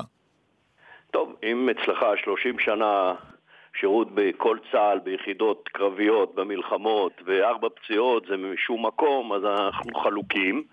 דבר שני, אני רוצה לעדכן אותך שאני בעבודה כל החיים וכל השנים שלי, ויותר מזה, אני ניסיתי לעזור להם בלי שום בקשה, שום תפקיד, גם לבוז'י וגם כשהוא היה עם אה, ציפי, ולהציע להם תוכניות מדיניות וחברתיות. השיטה של העבודה הייתה לזגזג, לבדוק בסקרים ולא להתייצב עם האמת הבסיסית שלה, הביטחונית והחברתית, ולכן היא הידרדרה. המצב שהכיוון המדינה הולכת אליו, והכיוון הנוראי של להפוך אותנו למדינה עם רוב ערבי, עם שליטה על אה, עם אחר, זה מה שגרם לך... בלתי נסבלת, כן. ולכן אם העבודה לא תתעשת, אז היא גמרה את תפקידה. השאלה היא, ועל... ולכן אני הצטרפתי, ולכן הצטרפת, אבל- ולכן אני אה, מתמודד, כי רק אני יכול ללקט כל החבורה הזאת מלמעלה, עם הניסיון שלי, עם כן, הניקיון אבל השאלה שלי. היא, האלוף במילואים לוין, האם מה שמפלגת העבודה באמת צריכה עכשיו כדי לחזור אה, להנהגת המדינה במצבה העגום הנוכחי, אה, זה עוד אלוף במילואים בעשור השמיני לחייו, אה, גנרל אשכנזי. אולי הגיע הזמן לגוון קצת. תודה רבה על הגזענות שלך. אני לא יודע מה זה, גזע... מה זה אשכנזי ומה זה ספרדי. אנחנו כולנו אזרחי מדינת ישראל, אני שירתתי כל החיים. מה שאני מביא למפלגה המדממת הזאת, שהמועמדים שלה, שהם כל אחד בתחומו בסדר, וחלקם כבר עשו שניים שלושה סיבובים מחוץ למפלגה. עזבו אותה כשלא היה להם נוח וחיפשו אה, אה, שדות זרים אה, לראות בהם.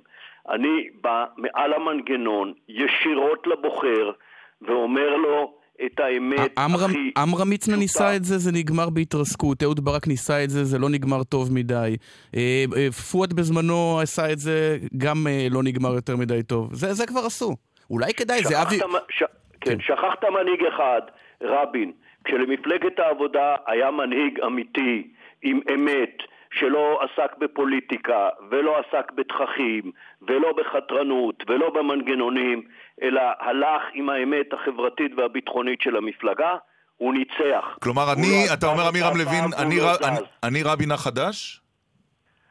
אני לא רבין, אבל הרבין היה מורה הדרך שלי, איתו עבדתי קרוב והייתי שותף להחלטות שלו, אני ראיתי איך הוא עובד, הוא המודל שלי, הוא המודל שלי, הולכים עם האמת, הולכים ישר, הולכים זקוף ומחברים ביטחון וחברה, וזה המודל ועל זה צריך לה- לעבוד. אני לא בודק מי הצליח יותר ומי הצליח פחות. לא, למה? עמיר פרץ... שקשה, אבל יש- שקשה וצריך מתייצבים. אבל עמירם לוין, יש לך לא מועמד... פעם יש- אחת מצליחים בפעם אבל יש לך השנייה. מועמד נהדר, שר ביטחון לשעבר, מנהיג חברתי, אדם שהביא כיפת אה. ברזל. עמיר פרץ, אתה לא צריך להתמודד, הנה, יש מישהו.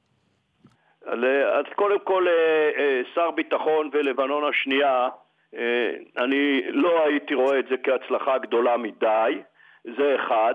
עמיר פרץ, אה, קודם כל יש לו זכויות רבות במפלגה, אבל כשהוא לא היה לו נוח, אז הוא עזב את המפלגה, ויותר מפעם אחת. אולי תשאל אותו אתה, אם הוא, אותי שואלים אם אני מתכוון להישאר. אני בוודאי מתכוון להישאר. גם אם לא תנצח, אתה נשאר. אה? גם אם לא תנצח, אתה נשאר פעיל. בוודאי, אני גם הייתי פעיל לפני.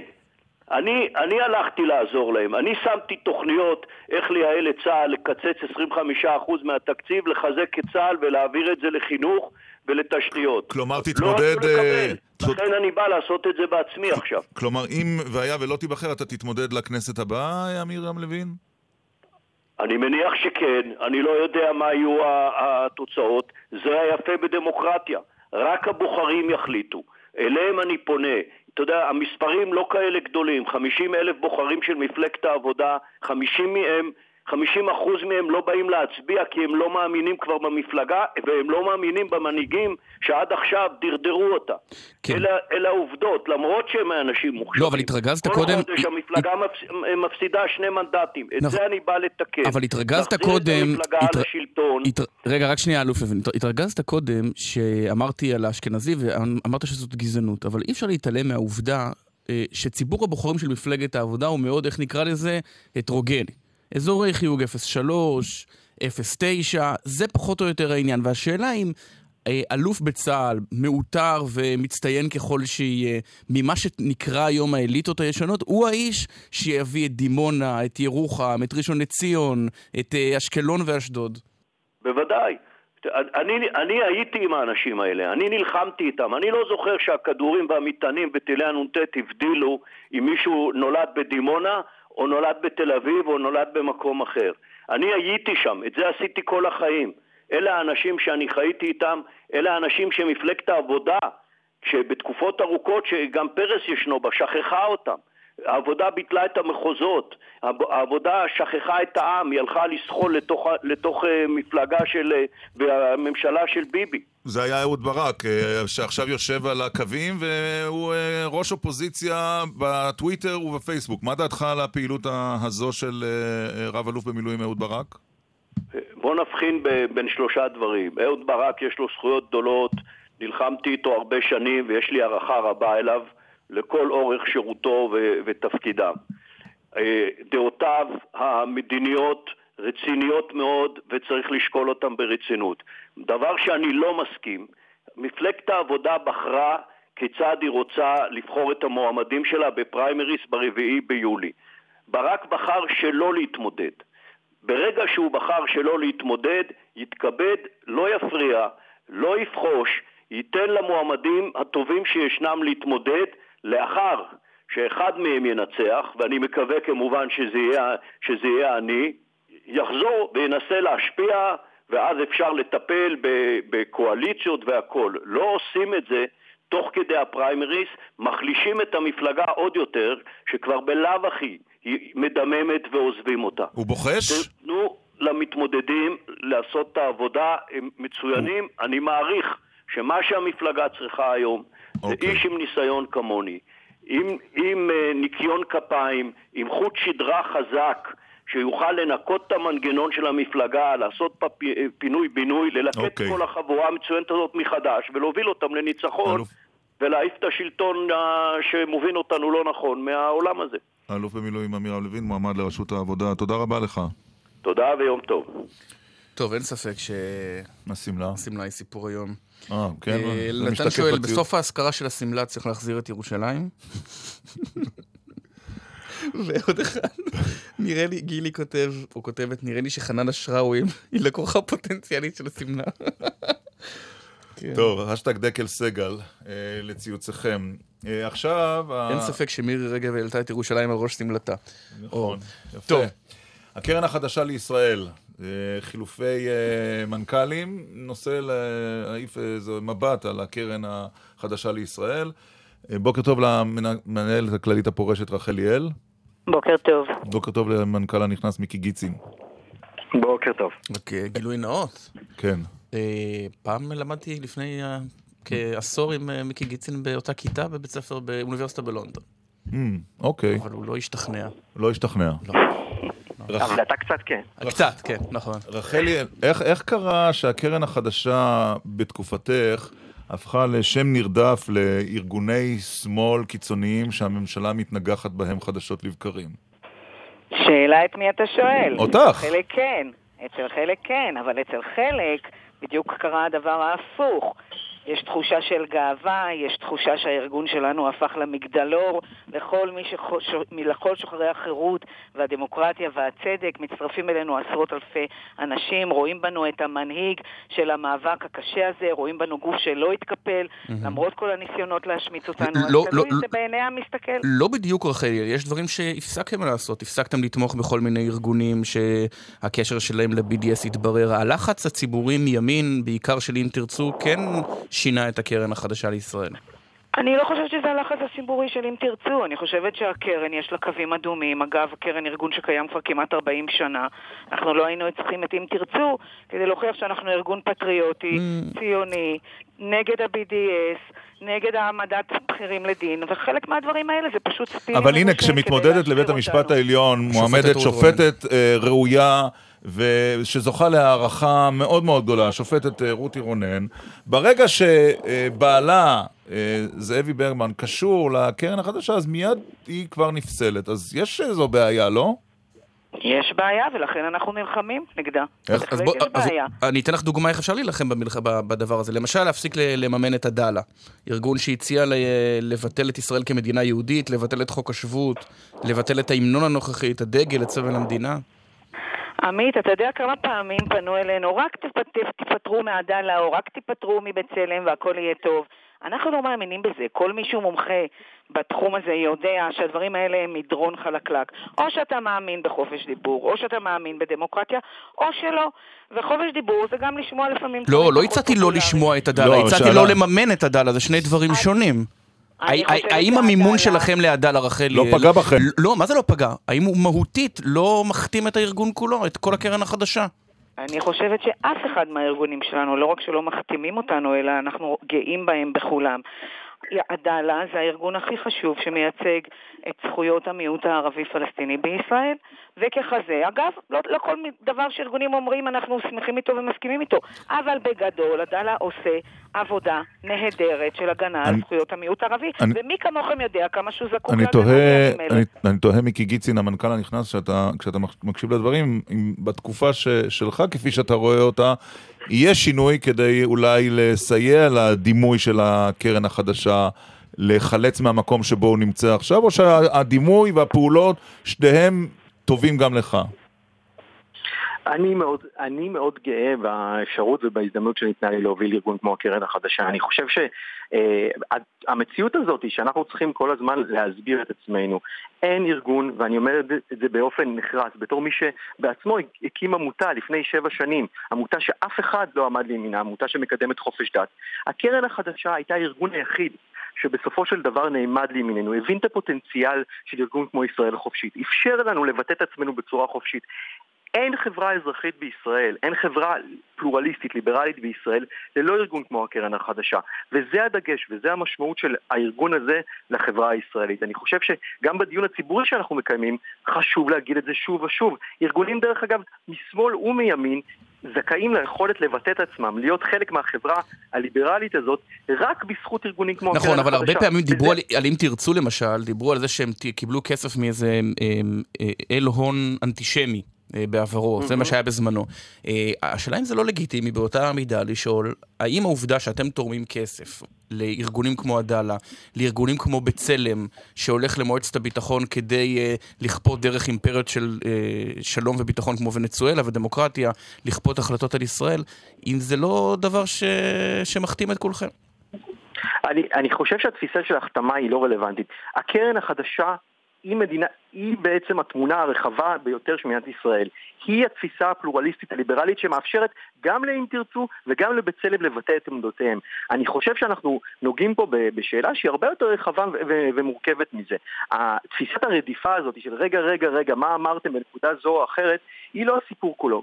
איזה ישראל אנחנו רוצים? כן. למי יש מקום ולאיזה...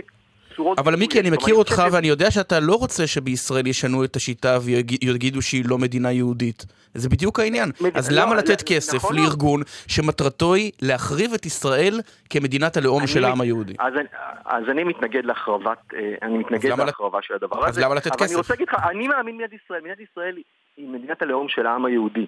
אבל באמת, בוא נראה, בוא נראה, הרי מה בסופו של דבר הקרן החדשה אומרת? אני באמת קורא את הרצל, בסדר? תפיסת חברת המופת, אני רואה את הדברים כמו במגילת העצמאות. אין מישהו שמבטא את זה, הרי העקרונות האלה שבאים לידי ביטוי בדברים... טוב, ש- אתה, אתה, אתה פוליטיקאי טוב, עמית שואל דבר אחד, אתה עונה על דבר אחר, על, על מגילת העצמאות. אני- הוא שאל אה, על המימון, אם אתה שלם לא, המימון. אני אמרתי, אני לא, אני מאמין בלב שלם, ואני עושה את כל מה שאני עושה מתוך תפיסה פוליטית מובנית שמאמינה באמת. אוקיי. ישראל היא מדינת הלאום של העם היהודי, זה עולם הערכים שלי, בשביל זה אני עושה את זה, אבל היא מדינת הלאום הדמוקרטית של העם היהודי, ולכן יש, יש לזה משמעות גדולה. האם יהיה לי ויכוח עם ארגון כזה או אחר? בטוח יהיה לי ויכוחים עם ארגון כזה או אחר. אני גם לא רוצה להתייחס למי מממן, אני לא מממן אף אחד כרגע. אבל עולם הערכים הזה, ששם אוקיי. על הדגל שלו את חופש זה- הביטוי, את הזכויות כן. של כולנו, זה דבר שרק הקרן החדשה אוקיי. עושה בצורה כל כך מובהקת היום. עכשיו אני רוצה לשאול אותך, רחל ליאל, כ- כמי ש... כמה שנים היית מנכ"לית? שמונה. שמונה שנים. מה הדבר שאת הכי גאה בו, ועל מה את מצטערת? אני הכי גאה בכך שלמרות האלף ואחד ניסיונות לסגור אותנו, לגרום לנו להתקפל, לשכנע אותנו להפסיק לממן ארגון זה או אחר, עמוד השדרה הערכי והמוסרי שלנו לא התקפל, ולכן באמת אנחנו נחשבים למגדלור. ואם אני מצטערת על משהו, זה שלא עשינו את זה עוד יותר. עוד יותר ממה שעשיתם עד כה. כן. מה התקציב של אה, הקרן, של הקרן החדשה? בגדול כ-30 מיליון דולר על כל השלוחות, זאת אומרת, אתה יודע שאנחנו ארגון שהוא שותפות בין יהדות העולם הפרוגרסיבית לבין ישראלים, אז שלוקחים את כל האופרטוס העולמי, כ-30 אוקיי. מיליון דולר לשנה. ומיקי- מיקי מיקי גיצין, מה, מה, מה, אם אתה עומד, עומד עכשיו, אתה נכנס לתפקיד חדש, מה היעד המרכזי? מה השינוי הראש- הראשון שתעשה? חוץ מהשלט על הדלת של המנכ"ל. שהשיחה, שהשיחה הבאה שלי בלונדון, ב- ב- בסגל ודקל תהיה על המשמעות החשובה של כל הדברים שהקרן החדשה עושה בחברה הישראלית, כולל סוגיות כמו עובדי קבלן וסוגיות אזרחיות וסוגיות אחרות, ולא רק כל הזמן. אבל אתה מבין שזה לא יקרה, שזה לא יקרה כי אתם עומדים בצל נושא אחד מאוד גדול, והוא כענן מעליכם, ולכן אתם לא מדברים על הנושאים האחרים. אבל אני חושב, אבל אני חושב שבדיוק זה... ואז אתה. מאשים אותנו. לא, אני לא מאשים אף אחד. דבר ראשון, אני שמח לדבר איתכם. אבל, אבל הסיפור הוא רחב יותר, גדול יותר. יש לי גם מה לומר על הסיפור הזה, שצדק חברתי לא נגמר במחסום, בסדר? אני גם רוצה להגיד את זה באופן מאוד נחרץ. אבל מי שמדבר על חברה אזרחית מגוונת, חייב לקחת בחשבון את כל הערכים של הגיוון, ולא יכול להיות שזה ייצר בלאום שונה או תפיסת עולם אחרת. זה משהו מאוד משמעותי בשיח הפוליטי בישראל, ואני חושב שהקרן יכולה להוביל אותו. דווקא כמישהו שיהדות חשובה לו, אני יודע, אתה מקבל את זה שחלק גדול מאלה שרוצים לסגת בשם אה, שמירת הרוב היהודי של ישראל, הם גם אלה שבמקביל תומכים בצעדים שיהפכו אותנו למדינת כל אזרחיה? למשל התמיכה בעדאלה, ולכן הרבה אנשים חשדניים כלפי העמדות האלה? אז אני אומר לך באופן נחרץ, אני בעד אה, מדינת, מדינת ישראל כמדינת הלאום של העם היהודי כן. וכל מי שחי פה ביחד, זו האידיאולוגיה שלי חד משמעית תמיד הייתה, אני מאוד מאוד מחובר אליה ואני לא, והעניין של אה, חלוקת הארץ לא חלוקת הארץ הוא, הוא, הוא תופעה של תפיסת זכויות האדם שלי ולא רק תפיס, אה, אה, תפיסה יהודית. פוליטית שמדברת. אוקיי. שיהיה בהצלחה, מיקי גיצין, מנכ"ל הנכנס של הקרן החדשה. ורחלי, מה את הולכת לעשות עכשיו? להתפקד אה, לבית היהודי? קודם כל אני נשארת חברת הנהלה בקרן החדשה לישראל, אז לא נפטרים ממני כל כך בקלות, ואני הולכת לעשות עוד המון דברים שחלמתי ורציתי לעשות הרבה זמן, אבל התפקיד הזה הוא כל כך כל כך מחייב ודורש, שלא היה לי זמן, עכשיו יהיה. עכשיו את יכולה לנוח. רחל ליאל, המנכ"לית הפורשת, מיקי גיצין, המנכ"ל הנכנס, הקרן החדשה לישראל. תודה רבה לשניכם. תודה רבה. תודה לכם. להתראות. אתם עם גל"צ. אם במערכה הראשונה הופיע אקדח, הבקבוק ייזרק ל... בקבוקים לא נופלים בפח, רק במחזורית. תאגיד המחזור אלה. ביום שישי הקרוב, פסטיבל דובדבן ביער חוזר. רשמו בווייז דובדבן ביער ותגיעו. ישראל. מגישים תיירות חבל יתיר ומשרד התיירות. קיה במבצע לעמיתי מועדון חבר, פיקנטו החדשה, ספורטאז', סורנטו, נירו ויתר דגמי קיה בתנאים בלעדיים לעמיתי מועדון חבר. לפרטים כוכבי 9920 או באתר מועדון חבר. זה הכל בשבילך, חבר. חובש! רופא! יש פה מישהו ש... מישהו? מה תעשה עד שמגיע אמבולנס? תצעק עוד? תסתכל עליו גוסס? כל מה שאתה צריך לזכור בזמן אירוע חירום רפואי הוא 1221, מספר הטלפון של איחוד הצלה. אלפי המתנדבים של איחוד הצלה הם אזרחים בעלי הכשרה רפואית העסוקים בשגרת יומם עד שהם נזעקים להציל חיים. שלוש דקות בממוצע והמתנדבים אצלך. עד אז נדריך אותך טלפונית. 1221. תצליח לזכור?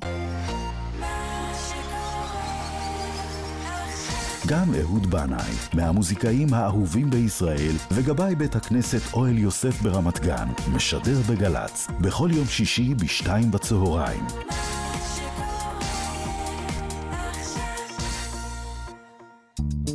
סוף השבוע מתנגן לי בגל"צ. בשישי, ליאור פרידמן עם הפסנתרנית מאיה דוניץ. ובשבת, יורם רותם מארח את הפזמונאי דודו ברק. שמעון פרנס עם מזהר אשדוד. והדרן, הופעה של עדן בן זקן.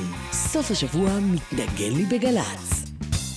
ולנו יש פלאבל, פלאבל, פלאבל. פלאפל, דסי פאר דרור בשיחה אישית עם הפלאפלים, קצינים בדרגי הביניים. והשבוע, שיחה עם סגן אלוף נטלי דהן, מפקדת גדוד ארז של חיל המשטרה הצבאית המבצעית. שבת, רבע לשש בערב, ומנה נוספת ברביעי ברבע לעשר בלילה. גל"צ. 50 שנה למלחמת ששת הימים בגל"צ. חוזרים אל קיבוץ דן ואל סיפור גבורה שנשכח. פה היה כשל אה, מודיעיני, ולכן הצבא לא נערך לזה, והוא היה עסוק בגזרות אחרות. הקיבוץ שלחם לבדו בסורים. ההוראה הייתה לא להתחיל לראות סתם כמו משוגעים, אלא לתת להם להתקרב. 50 שנה אחרי, יעל דן חוזרת אל הקיבוץ בו גדלה ואל הזיכרונות המרים. מוצאי שבת, תשע בערב, ובכל זמן שתרצו ביישומון גל"צ. עכשיו בגל"צ, ירון דקל ועמית סגל. למה אתה נאנח? מה קרה? משבר אמצע הקדנציה. אמצע השעה. אה, אנחנו משתדלים כאן אה, אחת לשבועיים, משהו כזה, או כמעט כל שבוע. כל שבוע, כן. לשוחח עם מנכ"ל אה, משרד ממשלתי על נושאים שמטרידים אותנו בציבור. שלמרבה הפתעה זאת הפינה הפופולרית בתוכנית. ועכשיו איתנו מנכ"ל משרד הפנים, מרדכי כהן. שלום, מר כהן. בוקר טוב, וגם- ירון, בוקר טוב. וגם עמית. ברכות, כי אתה מנכ"ל חדש של משרד הפנים, למרות שאתה ותיק במשרד. נכון. יש uh, בישראל שטח מאוד קטן, לא יותר מדי אנשים. למה אנחנו צריכים כל כך הרבה רשויות מקומיות? 200 למה גם גבעתיים... 200 של- 200? 260 נדמה לי. גם גבעתיים וגם בני ברק, וגם רמת גן וגם תל אביב, וגם... אה, בת ים וגם. חולון. 55 רשויות מקומיות, בנוסף לשתי מועצות תעשייתיות. שאלה מצוינת. אין מקום ואין צורך ב-255 רשויות. אבל אנחנו, משרד הפנים, לא יכולים השאלה- לעמוד מול הלובי הפוליטי של ראשי הש- אה, זה לא הרשויות. עניין של לובי, זה לא עניין של לובי. אלה ניסיונות שנעשו בישראל ולא צלחו. אה, אבל- צלח, מכבים רעות מודיעין לא, צלח. וגם, כש, וגם כשאוחדו רשויות מקומיות, לצערנו הרב, מתוך לחצים פוליטיים, הם פורקו. אז עכשיו השאלה היא האם להמשיך עם ניסיונות כושלים מהסוג הזה. להזכיר לכם שכל הרשויות הערביות שאוחדו פורקו באחד מהלילות בדיוני הכנסת. כן. אוקיי. ולכן מה שמשרד הפנים, ולכן מה שמשרד הפנים עשה, במקום להמשיך עם הראש בקיר, לאחד ולפרק, לאחד ולפרק. בנינו מחדש את המערכת, חילקנו את ישראל למספר אזורים, הקמנו ועדות גיאוגרפיות קבועות שידונו בכל השאלות. אבל, אבל, גבולות, אבל בסופו של... חלוקת הכנסות, אבל מרדכי כהן, בסוף. הדרך... תמיד יחכו לך 120 חברי כנסת, שלכל אחד מהם יש מחויבות לאיזה... ראש עיר מ- אחר. לא, או לסגן ראש עיר שמקבל משכורת ולא מאוד דחוף לו לוותר על 30 אלף שקל בחודש. ואז זה ייפול. אני מסכים, תמיד נידרש להתמודד עם השאלה הזאת, אבל תסכימו איתי שזה שונה כאשר עושים באיזושהי צורה, ללא עבודת מטה, ללא תהליך מסודר כזה, איחודים אקלקטיים, ואז קל לפרק את זה, לעומת מהלך מערכתי גדול כפי שאנחנו מנסים לעשות עכשיו, וגם אז נצטרך להתמודד עם uh, אותה כנסת, עם השאלות הקשות שאתם מעלים. אז נניח ש- לא נניח שאין נשארנו- בעיה לא פה. נשארנו גם במצב... זהו, אז בוא נניח שאין רק בעיה להשלים, פוליטית. רק להשלים, כן. רק להשלים את המשפט. לא הנחנו את זה רק לסוגיה הזו. הובלנו מהלך שהוא מאוד לא פשוט, הקמת אשכולות, שזה סוג של חלופה, נכון שהיא חלופה לא מלאה לאיחוד רשויות. בעצם היום בישראל פועלים חמישה אשכולות, שזה גוף סטטוטורי, שלטוני, שמאגד בתוכו למעלה מ-50 רשויות ומה ההבדל- שלושה בצפון, ו- ואז מה הוא... לא- שניים בדרום. ואז מה הוא עושה בעצם? הוא אומר, אמנם הוא- יש לך ראש בעיקר- מועצה, אבל... נכון. הוא, מה שהוא עושה הוא בעצם מאחד, שירות, מאחד את השירותים, מייעל, לוקח מספר רשויות מקומיות ומסייע להם להתנהל יחד, כולל מכרזים, פרויקטים וכולי, אבל אה, לא, לא מבטל את הדרג הנבחר. עדיין זה רשויות שהן עצמאיות ופועלות כפי שאנחנו מכירים היום. אז זה לא פתרון מלא, אבל לפחות זה לייעל את המערכת הציבורית. אם, אם הייתם אה, מצליחים, זה היה גם מקטין את, ה, את השחיתות ברשויות המקומיות? לא, לא. כלומר, השחיתות לא הייתה נשארת אותה. שחיתות לא, כבר אבל היה- בהצעה. אבל זה היה לא, השחיתות אבל זה לא היה נוגעת מייעל את. השחיתות, לא היו 200 גנבים, היו 20 וגדולים. בואו, אני חושב שזה נושא מאוד רציני. אנחנו עמלים על זה מאוד קשה במשרד הפנים להתמודד עם התופעה הזאת, אבל אני מציע לא להיות ציניים. תסתכלו רגע על המערכת הציבורית. אה, מי בסופו של דבר מספק שירותים לשמונה מיליון תושבים בישראל? הממשלה? לא, הרשויות המקומיות. בעצם זה המפעל הגדול, יום-יום עוסק בביצוע בשירותי חינוך, רווחה, תחבורה, פנאי, תרבות. לכן זה ברור שבמערכת גדולה כזו יהיו גם אותם מקרים קשים שאנחנו רואים אותם וזה מצער אותנו גם כממשלה וגם כאזרחים. עכשיו אנחנו עושים כל כך הרבה פעולות כדי לצמצם את זה, למנוע את התופעה הזאת. אבל זה לא מצליח. הגברת, הג... לא, זה לא נכון שזה לא מצליח. זה לא מצליח. לא אני, זה לא נכון, מכיוון שהיקף הפעולה, היקף הפעילות של השלטון המקומי הוא כזה שיכול להיות, שיכולנו להיתקל במקרים רבים יותר, אז אתה לא יודע מה נמנע. אז אני אשאל את זה אחרת, בטח חשבת, לך- אבל בטח חשבת על עצמך מרדכי כהן, מה הסיבה שדווקא השלטון המקומי הוא החוליה החלשה של ישראל בנושאים האלה? למה דווקא שם? אני לחלוטין לא מקבל את זה. לכן אני אומר, לצבוע בצבעים כל כך שחורים את השלטון המקומי זה לא ראוי. נכון שיש את אותם מקרים, שאנחנו מכירים את כולם. אשקלון ומקרים אחרים, יש. שבסופו של דבר ראשי רשויות הורחקו מהעיריות וחלקם אפילו בילו בבתי הסוהר. אבל מפה ועד לצבוע את השלטון המקומי כאילו זה סקטור יותר נגוע בשחיתות, לחלוטין לא, גם בשלטון ול- המרכזי וגם, ב- וגם בתחומים אחרים. והיה ולא היה המכשול הפוליטי, אה, מנכ"ל משרד הפנים, והיית יכול לאחד, בפנטזיה שלך, אילו רשויות היית מאחד? אני חושב שיש רשימה ארוכה של מקבצים שאפשר להתאחד. אני אתן למשל, לכם דוגמה. למשל. קחו, קחו, למשל, קחו למשל את אצבע הגליל. אצבע הגליל, 50 אלף תושבים, שמונה רשויות מקומיות. חצור הגלילית, וראש פינה, ויסוד המעלה, ומבואות חרמון, וקריית שמונה, ומטולה. למה אנחנו צריכים את כל זה? זה היה חוסך כסף למדינה? זה היה חוסך כסף? זה היה חוסך כסף, אבל לטעמי זה לא השיקול העיקרי. זה היה חוסך. השיקול העיקר- העיקרי זה היה מייעל את המערכת, הופך אותה למקצועית יותר, והכי חשוב, מאפשר לממשלה אוקיי. להתנהל מול מספר מצומצם של גופים. מה הבעיה העיקרית שבפניה אתה ניצב כמנכ"ל חדש של משרד הפנים? השבחת השירותים לתושב, צמצום פערים, הפערים בין הרשויות המקומיות הם בלתי נסבלים. השבחת השירותים, רצינו. רצינו לדבר איתך על התורים, אמרו לנו שזה בכלל מנהל האוכלוסין, זה לא אתה, התורים ב... רשות האוכלוסין. זה אומנם חלק ממשרד הפנים וכפוף לשר, אבל זאת יחידה עצמאית. ואתה, אין לך שום השפעה על הקטנת התורים בלשכות... אה, לא, לא. כלומר, למרות נמשיך- שאני חייב לך בלהוציא דרכון. אני יודע שזה סיוט עם... אה, ד- זאת אומרת, אין לא, אין- אין תמיד בכלל, קשר תמיד, לפרוטקציות. אני הייתי במשרד הפנים ברחובות לפני אה, לא חודש. אני, חברים, לא אה, אני. בסדר, לא, והתור היה אותו תור. למרות שאני הייתי... כולנו, כול- זה זה נוגע לכולנו. הייתי בהר חומה בירושלים והיה תענוג. באמת? אז צריך תענוג, לנסוע? תוך 20 שניות. נוגע לכולנו, אני יודע שנעשו מאמצים בשנים האחרונות לשפר, אבל זה לא אני. טוב, מה, אז, ב- אז לא אוקיי. נדבר על זה, אבל נדבר כן על התוכן, התעודה הביומטרית. תראה, אם כל כך הרבה אנשים חוששים, אם uh, אנחנו עדים למתקפות האקרים כל כך מתוחכמות, למה לקחת את הסיכון הזה שטביעות האצבע של כל אזרחי ישראל יהיו במאגר והאם יש ממשלתי? גידול, והאם יש גידול בפונים לדרכון ביומטרי? לתעודה ביומטרית? מכיוון שניסיונות מהסוג הזה נוסו בעולם, מכיוון שלפני שמשרד הפנים יצא עם המהלך הזה ושר הפנים קיבל את אותה החלטה שכל השרים לפניו התחמקו ממנה, הוא ביצע מהלך מאוד מאוד מקיף של שימוע, שמע את כלל הגורמים, מהמם. כולל טכנולוגים ואנשי ציבור, והגיע למסקנה שבאופן מבוקר, חלקי, יש מקום ליצור את המהלך הזה. כמה ישראלים ו- מחזיקים בדרכון ביומטרי? אני לא יודע לומר לך. את המספר המדויק. אבל למרות החששות יש פניות? זאת אומרת, זה... יש, כן, כן, יש פניות רבות מאוד. כן? פניות רבות מאוד. אז יכול להיות שהחששות זה בעיקר אצלנו אני אבל בתקשורת? ברשותכם, אני כן. ברשותכם, מכיוון אבל שקטעתם אותי קודם, בטח. לדעתי, אוקיי. זה, זה נושא יותר חשוב, שנוגע לכלל האזרחים. בסופו של דבר, הפערים בין הרשויות הם פערים בין- בלתי נסבלים. תסכימו איתי שילד שנולד אה, בקלקיליה או בירוחם, אה, לא צריך להיענש על זה שהוא נולד במקום מסוים. והיום הרשויות המקומיות הן השחקן המרכזי, והן משקיעות אה, משאבים אה, גדולים מאוד בלשפר את השירות לתושב.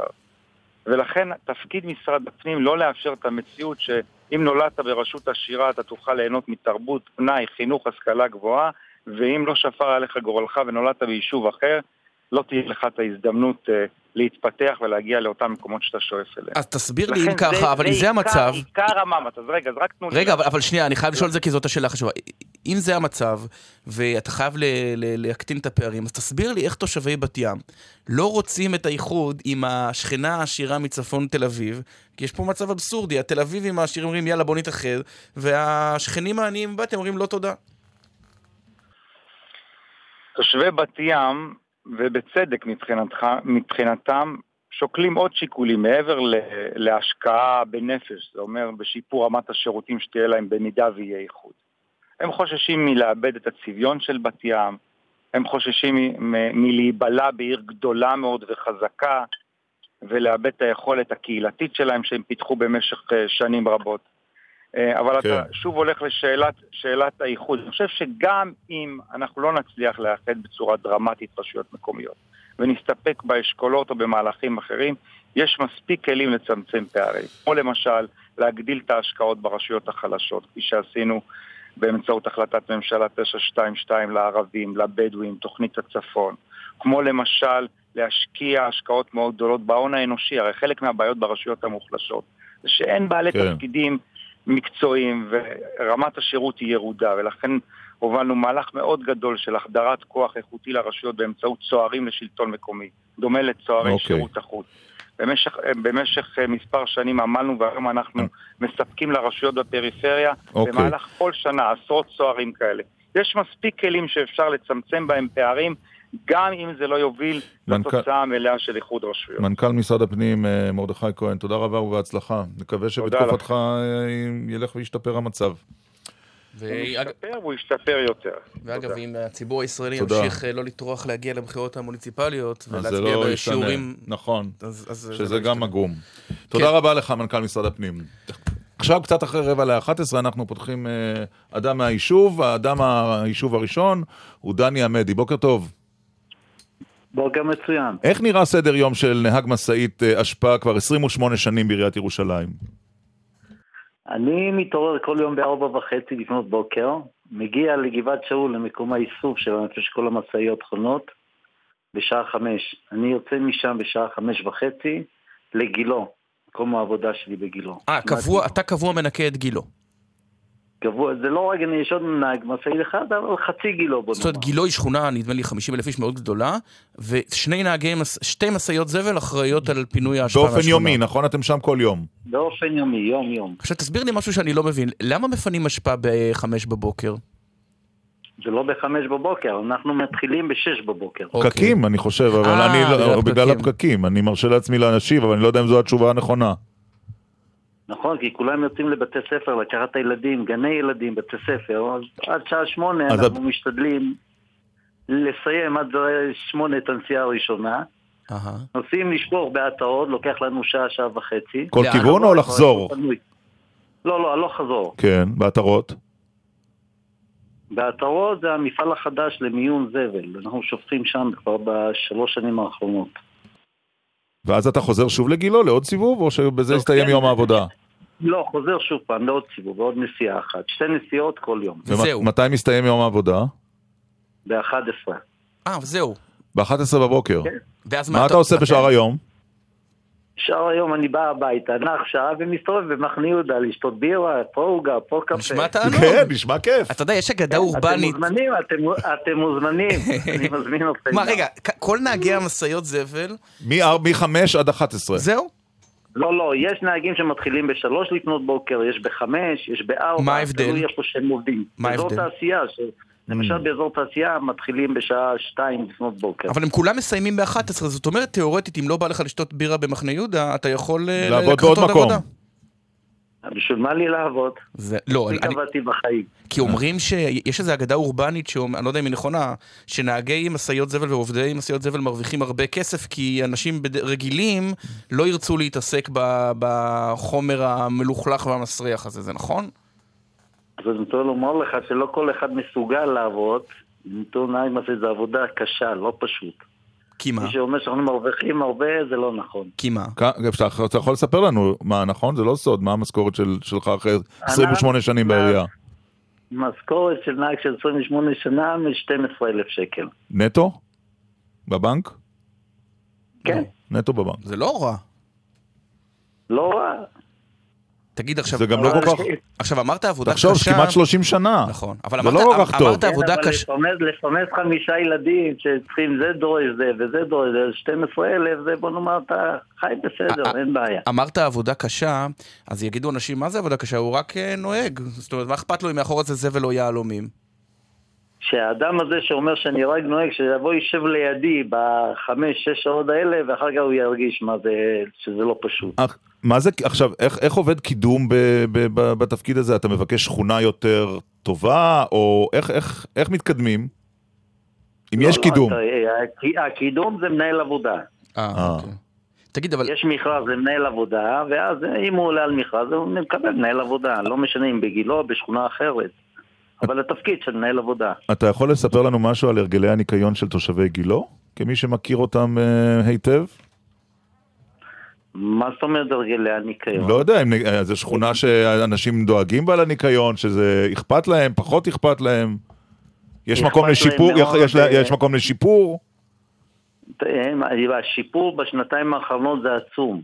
עצום. מי שיובי קיבל את הרשות של גילו, באמת שהוא משקיע והוא נותן והוא עושה כל הכבוד. שיפור עצום. אבל אתה- אתה מגיע... בניקיון, בהסדר. אתה בא במגע עם זבל או שאתה רק מקדימה? כי תמיד לא, יש את לא, השניים האלה שקופצים. נוהג. חלום ילדותי היה לקפוץ שניים, שם תוך כדי נסיעה. בדיוק, שניים. שני פועלים אה, במשאית שהם אה, רותמים את העגלה והופכים את אז זה אתה למעט לא- אתה לא. צריך להתקלח אחרי כי באת במגע עם זבל. לא, לא, לא, אני יושב, יש לי מזגן, שומע מוזיקה, גלי צה"ל. לפעמים. גלי צה"ל מצוין. מה הדבר הכי מוזר שפינית במהלך השנים? מה הכי מוזר? כן. אני פיניתי, אני רוצה לומר לך גם לפני כמה שנים, פינינו אפילו, הייתה איזה גופה בתוך מכלית של זבל. זה בהחלט מוזר. זה מוזר. ומה התבלה- התגלה? של מי הייתה הגופה? אין לי מושג, באה המשטרה וזה, זה היה לפני 12 שנה. וואו. וואו. מצאנו גם, החבר'ה מצאו ארנקים, מצאו כל מיני דברים שאנשים, למשל בא מישהו לזרוק את השקית אשפה, בטעות זרק את הארנק שלו עם המפתחות לתוך ה... אז לך תרים, תמיין שקית שקית עד שמצאו לו. האלה מאחורה אגב, כל מיני. האלה מאחורה היית כן. מתחלף איתם? הייתי מתחלף? כן, בהחלט, כן? למה לא? רק לא יצא ככה אתה אומר. Mm. תגיד, כן. והילדים שלך, הילדים שלך מתביישים להגיד אבא עובד כנהג משאית זבל או גאים? לא, למה להתבייש? אף עבודה לא נכון. מביישת את העוסק בה. נכון. כל מלאכה מכבדת את בעליה. אתה מבסוט? כן, ברוך השם, אין טענות. אז עכשיו אתה בשוק אה, עם בירה? עכשיו אני בדרך לשוק, ממש. אני הולך ב- וצועד איתכם לדבר והולך למחר. נהדר. אה, ובקרוב אה, יום ירושלים, אז נאחל לך גם... ונאחל גם עיר נקייה יותר, בוא נגיד את האמת. אתם מוזמנים, אתם מוזמנים לסתות, לבוא לירושלים, אני מזמין אתכם. אני אולי איזה בוקר בעיה. לנסוע איתך. האמת זה... ואחר כך אין נלך. לבירה. בדיוק. אני מוכן. אני רוצה לומר לך עוד דבר לא, אחד, לא רוצה. לפני שבע- לפני חמש שנים הגיעו והפריטו אותנו ושלחו את זה לגרמניה, הפרטה, שהם היו איתנו מהבוקר, אוקיי. ישבו איתנו, ראו איך שפינינו, אכלנו ארוחת בוקר איתם, ושלחו את זה לגרמניה ל- להראות את זה שם בטלוויזיה. יפה. דני עמדי, נהג אה, משאית אשפה, 28 שנים אה, בעיריית ירושלים. תודה ששוחחת איתנו ויום נעים. תודה לכם, המשך יום טוב. נו, נכון מעניין לדבר עם בעלי מקצוע? כן, אז זה אדם מהיישוב כל שבוע ברבע ל-11. עכשיו מה למדנו היום? אהוד ברק למשל, בדיוק התחיל התקשר בקריירה למרון. של אה, מבקר ספרות?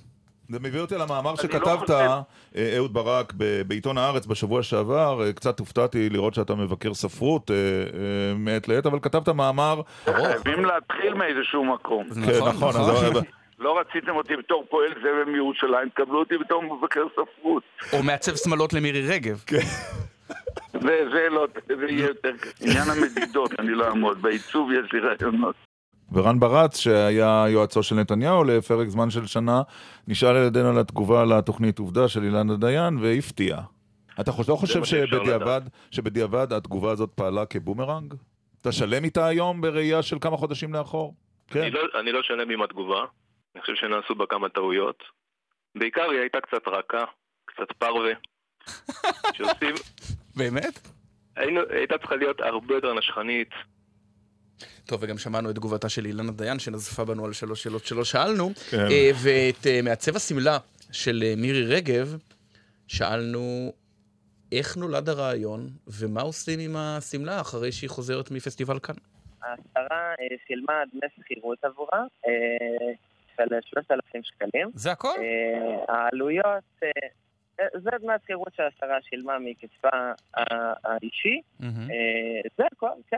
עם ההתייחסות לשאלה מה עושים עם השמלה אחרת, אז אה, כבר נבדקים, אה, נבדקות כמה אופציות אה, אה, לשמלה אה, להמשיך אה, ול- ול- ולהציג. בוא ניפגש, אני אמדוד אותך ואולי... תראה, אני לא בטוח שהצבעים פשוט אה, הולמים אותי. סיימנו. סיימנו? יש כן. עוד סיום? לא. כן. יש בסוף. טוב, את התוכנית ערך אה, אילן ליאור, הפיקו הילה פרץ, רון רוזנבוים ורינת גיימן. בן קטן על הביצוע הטכני גיא חזק על דיגיטל, אחרינו יועז אה, הנדל, היום עם רביט הכט, במקומו של ניצן הורוביץ מסתבר. כן, אנחנו נשוב בשבוע הבא. כן. אה, כדאי לכם רבע לאחת עשרה, גם לפינת... אדם מן היישוב. להתראות.